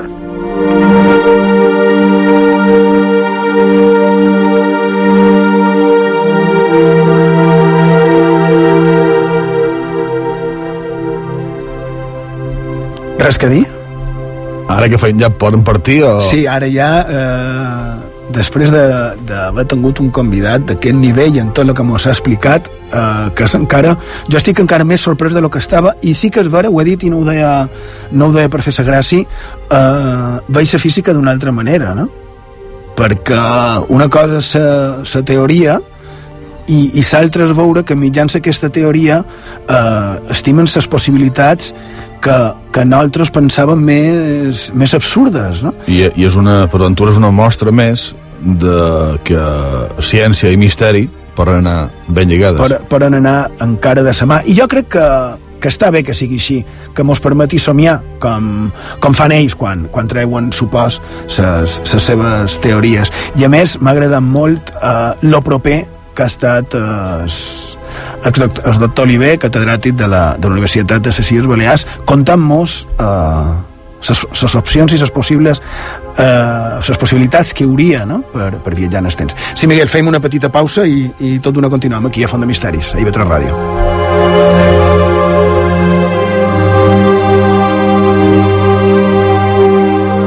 A IB3 Ràdio, Font de Misteris.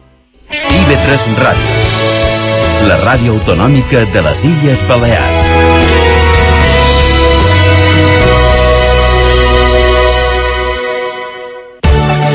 IB3 Ràdio, més a prop del teu municipi. De dilluns a divendres, a migdia, connecta amb tot allò que passa al teu voltant amb la informació i l'actualitat més pròxima. El Faristol Menorca. El Faristol Mallorca. El Faristol a Eivissa i Formentera. IB3 Ràdio, més a prop de tu. IB3 Ràdio, 10 anys amb tu.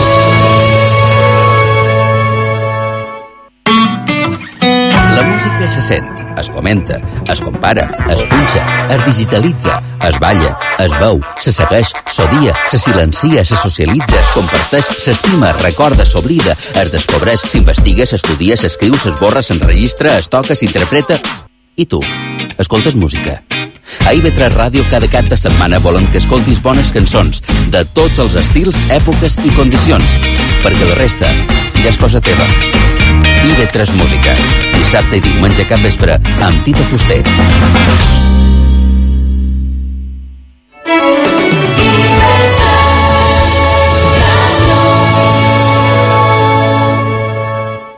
A IB3 Ràdio, Font de Misteris, amb Xema Font.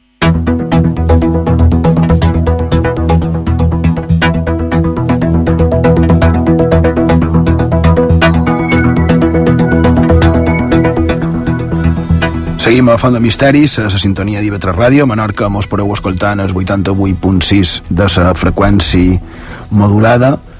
Podries recordar, per favor, el número de WhatsApp per, per poder contar-nos el que, lo que heu trobat d'aquesta entrevista, per respondre a, a les preguntes que han comentat, no que faríeu si poguéssiu viatjar en els temps, no? I dos a 659 16 69 52.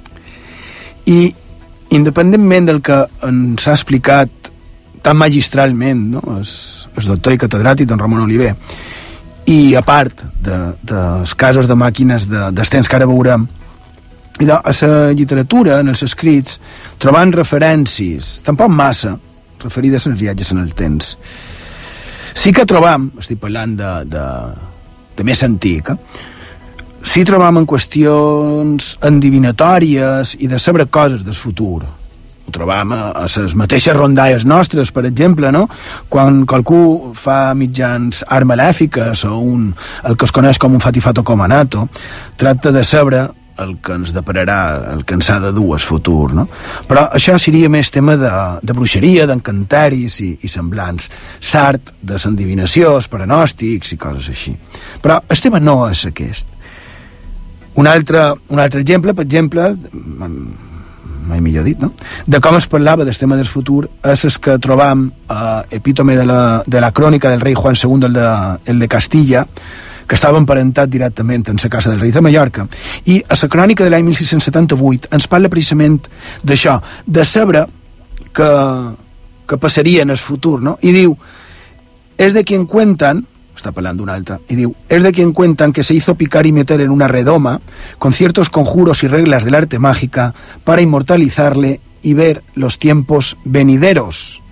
Encara que falleix, fa una nota aclaratòria, con otras patrañas que cuentan a la lumbre las viejas y los idiotas. Que clar, en paraules així, qualsevol de qualque cosa del futur, no?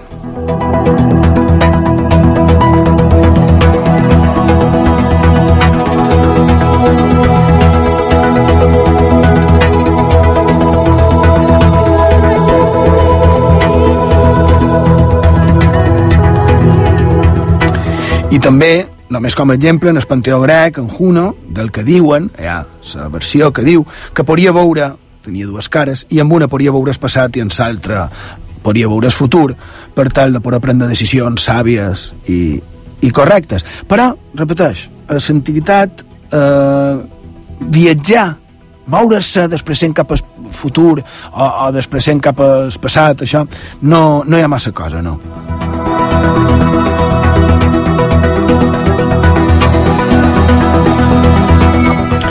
De fet, per poder viatjar en el temps faria falta, com no, una, una màquina, encara que el doctor Mosagui dic que, que de moment no, però faria falta una màquina, un DeLorean, per exemple. Però des de quan hi ha eh, constància de, de màquines que podrien viatjar en el temps?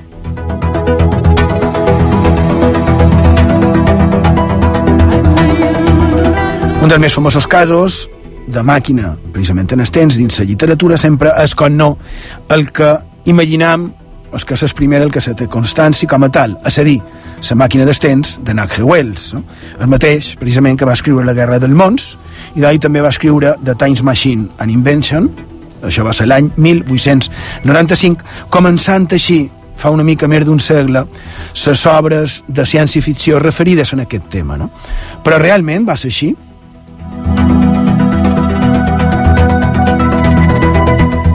I de no, abans en tenim una altra, sense màquina. Aquesta era mitjans una mena d'esperit. Ho tenim amb en Dickens i els seus contes, en aquest cas eh, a conte de Nadal i també en els papers pòstums del Club Pickwick, on es narra el passat i el futur del protagonista mitjan un S, una mena de fantasma. Això és un cas, contes de Nadal, ho deixam per Nadal, però a part d'aquesta referència anterior viatjant el temps, tenim un altre, un altre tema, però anàvem amb una màquina com a tal. Tots hem vist la figura de la màquina del temps de H. Wells, per les pel·lícules, és una mena de motocicleta, Bé, no, vendria a ser un monop una mena de monoplaça amb una cosa semblant a un ventilador en el darrere, però la pregunta és, és aquesta la primera?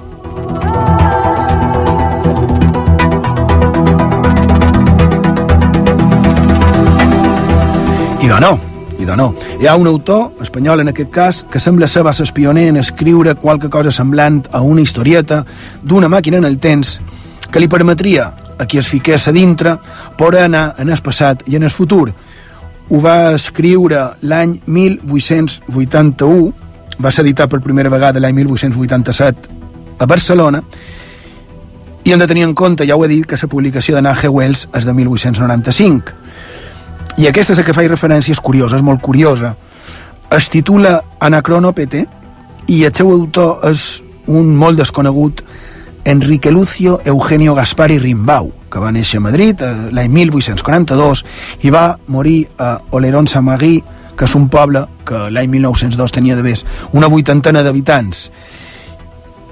I és una vida també molt interessant, d'aquest senyor, però ens fixarem ara només i un momentet en la seva, en la seva obra. Tal vegada, la primera vegada a la història que qualcú parla d'un ingeny per poder viatjar en els temps. I l'autor defineix el seu, el seu invent, la seva màquina, així. Diu, el, el anacronopete, que es una especie de arca de Noé, debe su nombre a tres voces griegas. Ana, que significa hacia atrás, crono, el tiempo, y petes, el que vuela, justificando así su misión de volar hacia atrás en el tiempo, porque en efecto, merced a él, puede uno desayunarse a las 7 en París, en el siglo XIX, almorzar a las 12 en Rusia con Pedro el Grande, comer a las 5 en Madrid con Miguel de Cervantes Saavedra, si tiene con qué aquel día, y haciendo noche en el camino, desembarcar con Colón al amanecer en las playas de la Virgen América.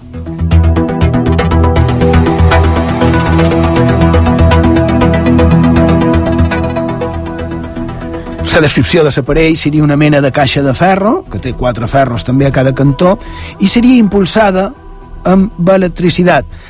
Electricitat, any 1881, 20 anys abans de que a les nostres illes hi hagués qualque cosa semblant a l'electricitat. Perquè no si sabeu que fins l'any 1901 no varen tenir electricitat a les illes, va ser l'Aró, la pionera, eh, en tenir la primera fàbrica d'electricitat. De, I aquest anacronopete tenia una particularitat perquè produïa un fluid que es deia fluid García, que feia que el viatger en el temps es veiés inalterat respecte en el seu viatge, perquè, clar, se dona escàs en aquesta, en aquesta obra, que realment no és una novel·la, és una zarzuela, i, i se dona escàs d'una dona que duia un abric de llana i quan varen anar cap enrere en el temps aquesta llana es va transformar precisament en el que era abans, una ovella. Interessant com a mínim, no? La coneixeu, aquesta obra? Havia sentit eh, anomenar-la No ha caigut a les mans, ho he de reconèixer, encara no. No. Crec que se va fer una edició l'any 2000 i l'any 2006 o 2007 Una, una convida per si la tinguessis. a Barcelona. Després ho parlam, en això. Tu la coneixies? No, no la coneixia, però és molt interessant, la veritat. La veritat que... és és que en el format de, de sarsuel, és, és, Sí, és, més, és sí. més estrany encara, i més desconcertant. Sí, era, eh, aquest individu era, realment era molt curiós, no? També va néixer a Madrid, eh, ell era diplomàtic, va néixer en, en el Madrid del mitjan del segle XIX, aquí a Madrid, eh? Que el podem imaginar també per, per aquesta sèrie de televisió que s'ha fet ara fa poc, de, del Ministeri d'Estens, i, i que no han comentat res, han de fer un altre programa, eh? perquè imaginat, imagina't, sí. Um, I va morir a un poblet de 80 o 90 habitants, uh, per voluntat pròpia, no? Se'n va anar ella a viure allà, uh, és curiós. Si vos sembla, ara el que podríem fer és fer qualque, qualque cas estrany d'aquest que, que cercam i que solen trobar casos estranys de persones que es diu, per un motiu o un altre, que tal vegada sigui possible que hagin viatjat en el temps.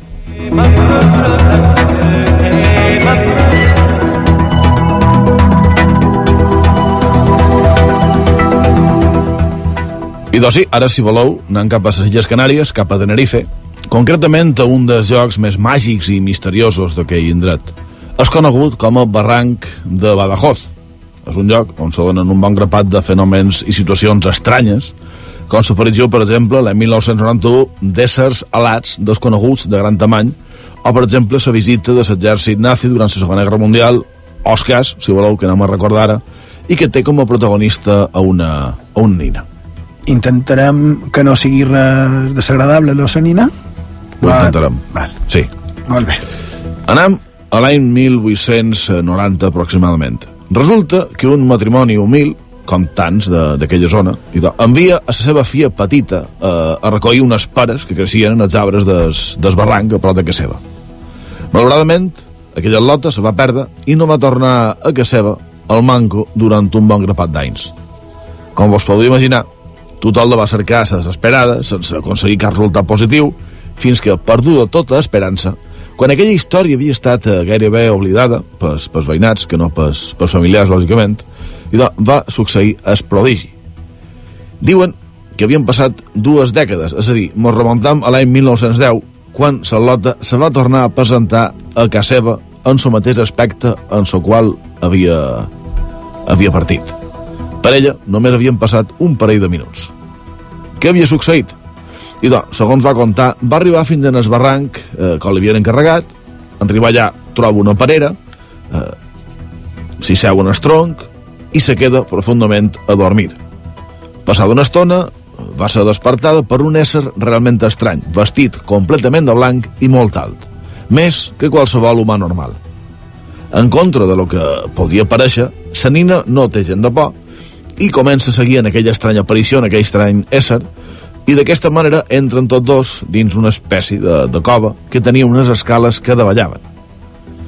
En què va ser baixada, arriben a un jardí molt verd i allà Salota se troba amb un bon grapat d'éssers perescuts, aquell que l'havia quedat fins allà, tots molt alts i tots amb robes blanques i, i brillants.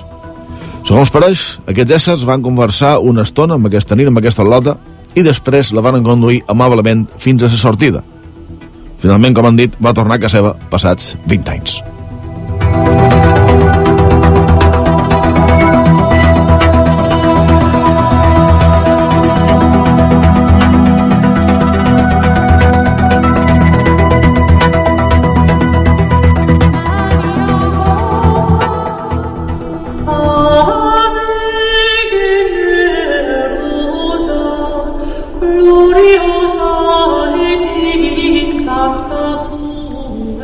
Cas d'una nina que va desaparèixer entre l'any 1890 i l'any 1910 eh, a les illes Canaris, aquelles illes en les que vàrem estar precisament parlant de...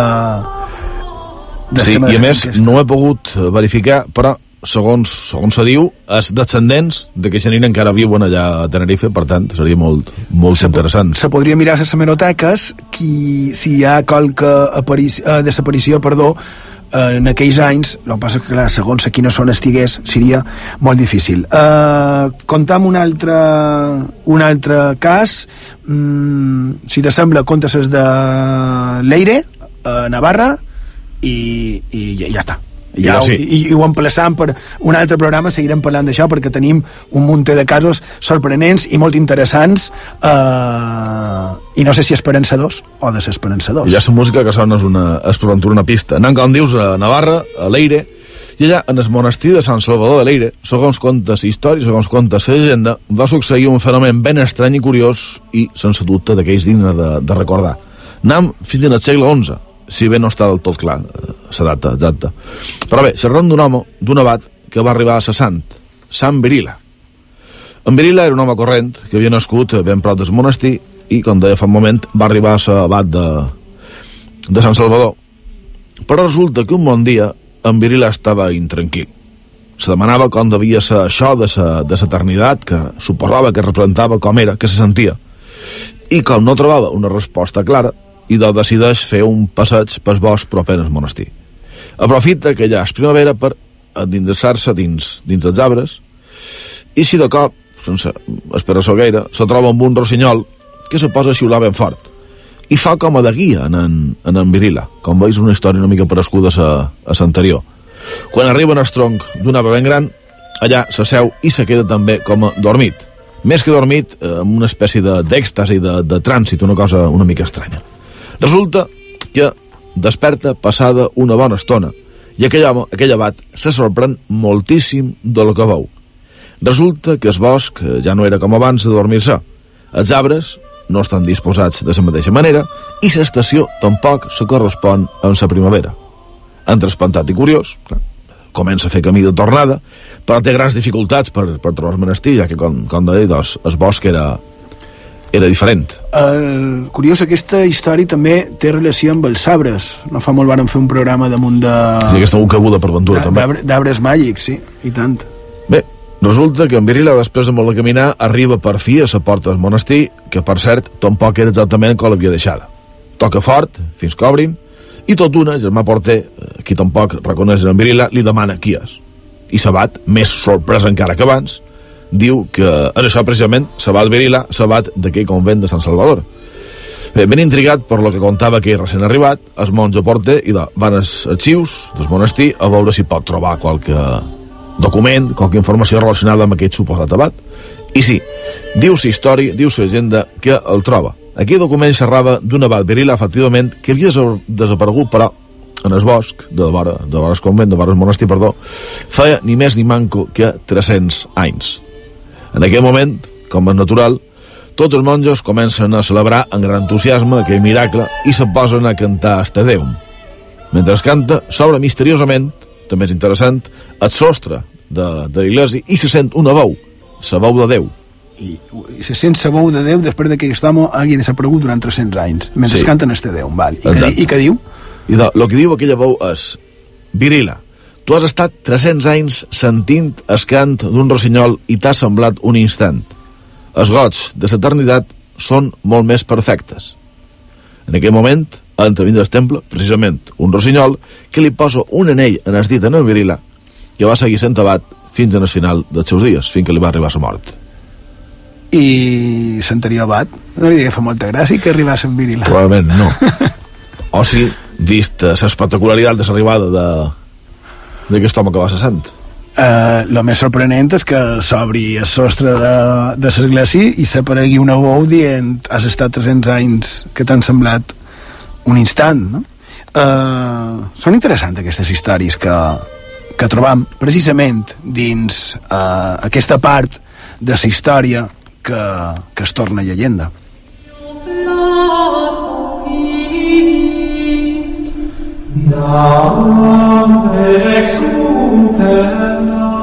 i de feim una darrera pausa i tot d'una continuam aquí a Font de Misteris a la sintonia d'Ivetres Ràdio.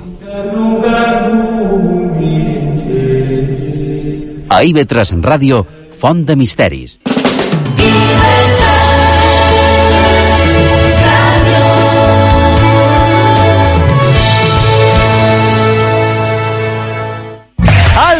Futsal ha passat als quarts gràcies al gol de Tomàs Braga i de Bruno Tafi. Després del caent dimarts li toca el torn a l'Inter Movistar.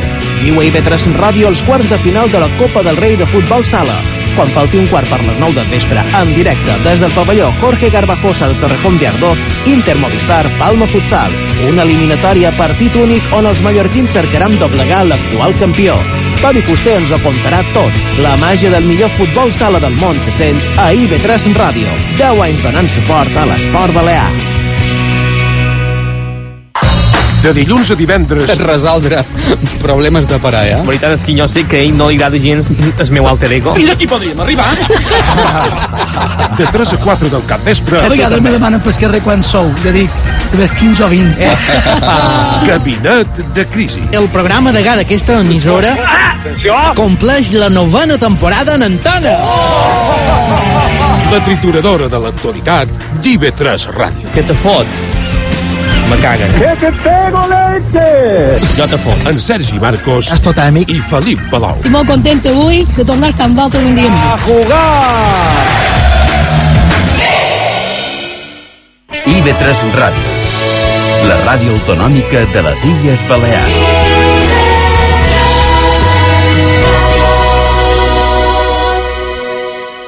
Font de Misteris, amb Xema Font.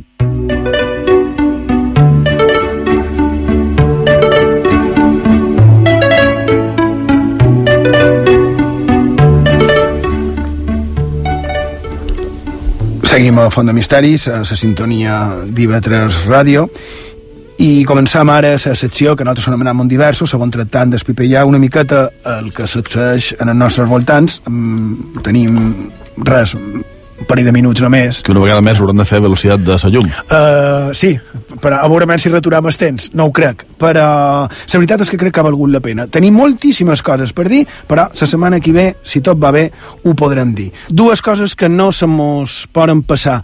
Una, abans crec que ho he dit malament, uh, avui, uh, demà, a les 3, tornaran a ser les dues de la matinada. Feim una mica de viatge en estens cap enrere. Abans record que crec que ho he dit malament. I després, que tampoc se m'ho s'ha d'oblidar, eh, digue-ho tu, Sergio, si vols, que això m'ho vares dir tu, precisament. I del que es preveu dissabte 31 d'octubre entre les 7 i les 9 en el Museu Arqueològic de Son Forners a Montuïri es parlarà de pràctiques funeràries a la prehistòria balear i si que vulgui anar pot cridar en els números 971 64 41 69 per fer la reserva repetim 971 64 41 69 I ahir, o abans d'ahir, no sé exactament quan va ser, eh, abans d'ahir, va succeir qualque coseta a Ibiza. ¿Qué va a pasar?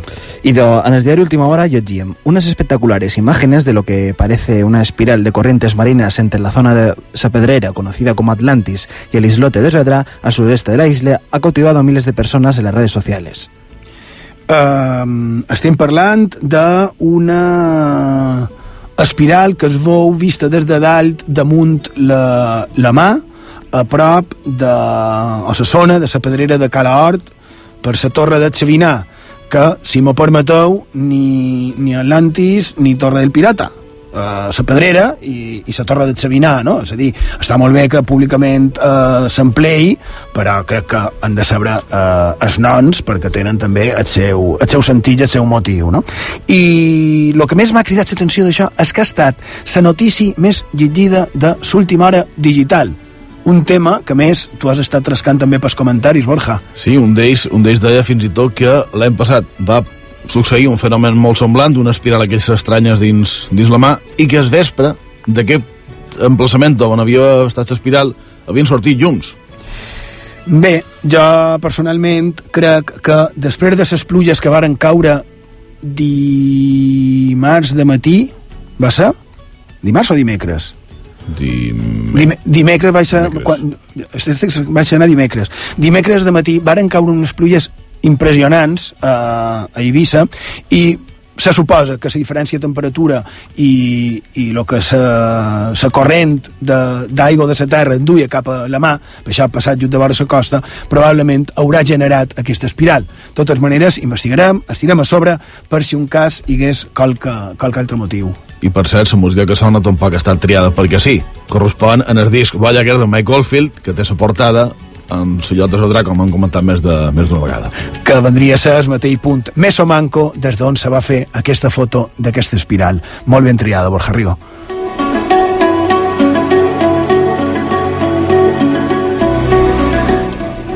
Comentam aquesta, ja que hem parlat abans de, de la Menorca teleòtica, avancem una miqueta també en els temps i què mos has de dir? I ara anem amb una notícia de National Geographic que van conèixer ahir, de matí, ahir divendres de matí, sí. Hallan los restos de dos barcos púnicos en el norte de Menorca. Un equipo de arqueólogos subacuáticos de Sasitja, una asociación cultural sin ánimo de lucro, halló a finales del año pasado los restos de estas dos embarcaciones púnicas que naufragaron alrededor del siglo III a.C., frente al puerto natural de Sanitja. Los restos, que se encuentran a unos 20 metros de profundidad junto a la costa, están compuestos sobre todo por cientos de fragmentos de ánforas de diferentes lugares que permiten hacerse una idea de la fecha de las embarcaciones, los productos que transportaban y las rutas que seguían. Després mos explica una miqueta la relació de, amb Eivissa i, i els viatges que feien. I eh, recordem que això és, és patrimoni de totes les illes i que hem de parlar amb el govern per veure com està el tema de sa, de, de, de registre de, de les restes que hi ha dins la mà sa carta subaquàtica. sa carta subaquàtica que és el nom oficial que té i després també tenim una altra de la... No, eh, anem a, a xarxes, deim les formes de contacte i partim, és que no que tenim temps per més.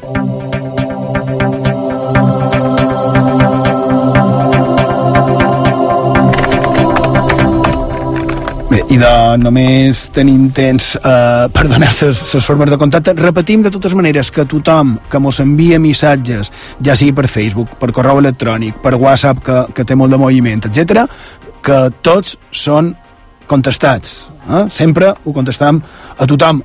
Amb antena també els contestarem, en qualque moment els contestarem. En tenim molt ja de, de glapits. Però mm, no podríem dir-li al catedràtic que, que, que no, pues, eh, ha estat això. Digues per fer-nos el favor de contacte. I de los recordam, ens podeu trobar a Facebook, cercant Font de Misteris, a Twitter, cercant arroba Font de Misteris, en el correu electrònic també ens podeu enviar els vostres missatges, que és fontdemisteris arroba i en el WhatsApp, ja ho hem repetit, 659 16 69 52.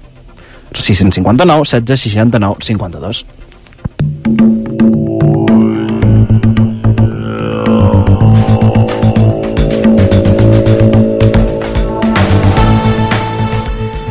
I de, hem arribat a la fi del programa d'avui i esperem que heu passat una estona agradable i que heu pogut treure qualque cosa a profit d'aquesta font de misteris.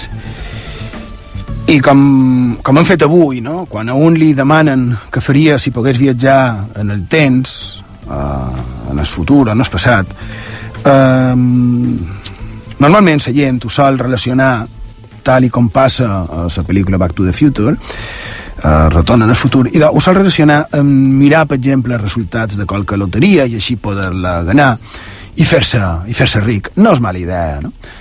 Però poques vegades un se planteja com per poder evitar els mals que, que estem patint encara en el nostre món, no? en aquest futur que és avui i que, i que massa sovint sembla el passat.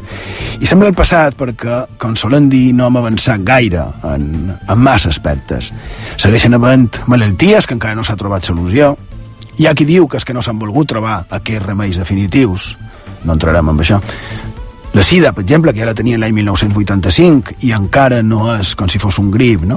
O el càncer, o només tenim manca d'investigació. L'èbola, que torna a ressorgir. Curiosos, aquests cicles, no?, que un molt pot, pot mal pensar i veure mans negres en el darrere. També segueixen havent bregues, guerres, totalitarismes arreu del món, exiliats, refugiats, atentats... I podríem seguir, però no cal. Tal vegada si és vera que som una miqueta més solidaris, més empàtics, més conscients, més ecològics, tal vegada no està tot perdut.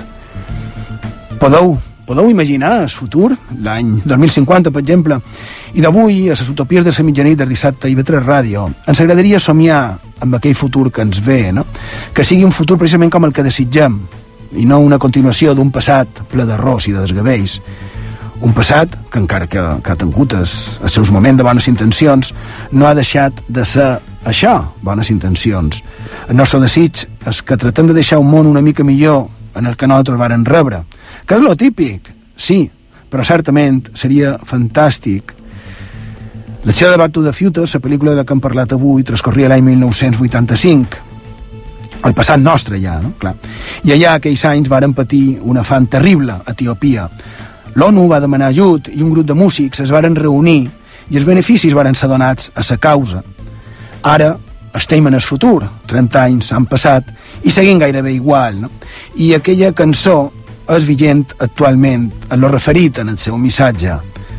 Deia, s'atraca un món el que feim una crida quan el món ha de juntar-se com si fos només un hi ha morint i és hora de donar una mà a la vida no poden seguir pretenent dia rere dia que qualcú a qualque lloc farà aviat un canvi i d'aquells cantants aquella societat demanava un canvi i avui, que ja estem en el futur ho seguim demanant en Michael Jackson, en Lionel Richie, en Stevie Wonder, en Kenny Rogers, en Tina Turner, en Bruce Springsteen, Boss Dylan, etc etc.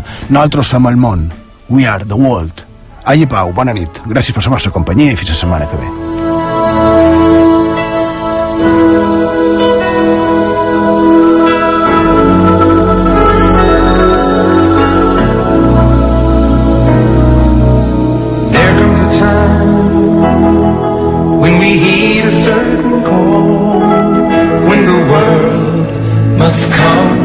Together as one.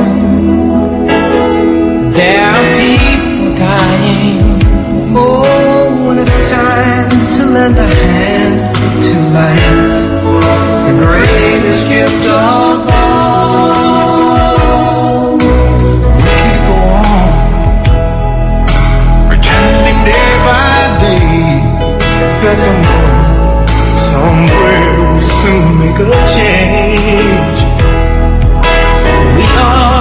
of God's great big family, and the truth, you know, love is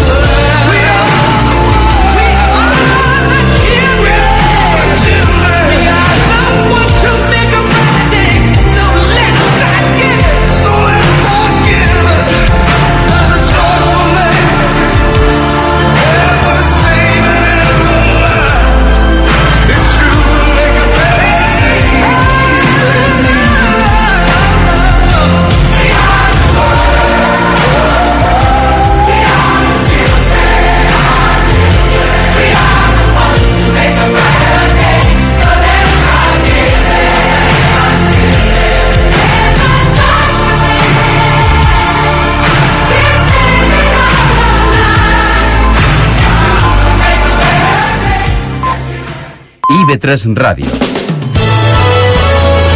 La ràdio autonòmica de les Illes Balears.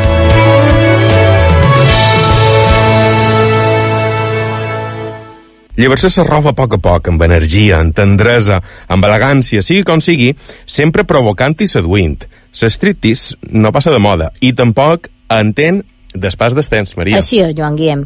L'estriptease s'ha modernitzat molt, però segueix sent una forma de fer espectacle. Sí, s'ha modernitzat, i s'ha modernitzat i molt, i tant de bo perquè pensa que n'han passat anys des que començaren els primers espectacles sexuals que se duien a terme a teatres o, o a cerques priva privats. Òbviament, eren regentats per homes, els homes estaven en escat davant. I tot això ja passava en el segle XVIII. Que bé que s'ha actualitzat, però que les dones també tenim dret a gaudir d'aquests espectacles, però d'homes. Sí, mira que, que han hagut d'esperar anys per veure homes com se despullaven integralment en un espectacle d'aquest tipus. I d'homes, no te cont. No te com Marieta, perquè fixa't amb una curiositat. A final de, de, del segle XVIII, a principis del XX més o manco, per fer un striptease en aquell moment anaven vestides amb malles de color carn i donava la sensació que anaven despullades. Però allò que feien era ballar amb vels transparents. Jo sempre m'he demanat què voldria dir aquesta paraula, perquè nosaltres l'associam amb show, amb espectacle, amb seducció, amb llevar-se la roba, però què deu voler dir striptease? Vol que t'ho digui?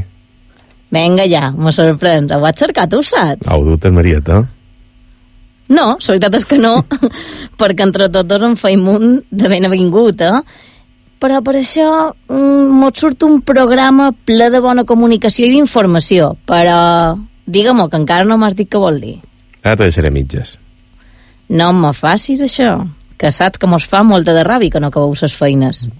Començam i ara tot no ho entendràs. A IB3 Ràdio No apaguis el llum amb Maria Ribó i Joan Guillem Jaume.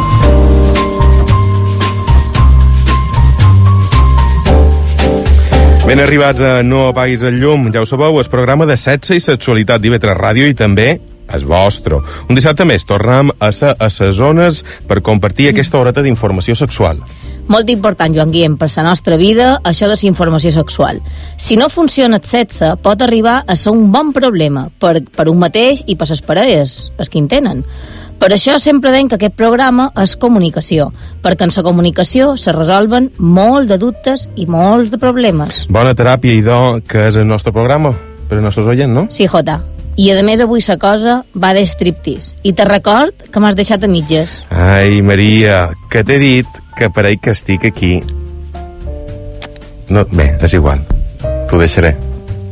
Ja m'ha tornat a deixar a mitges.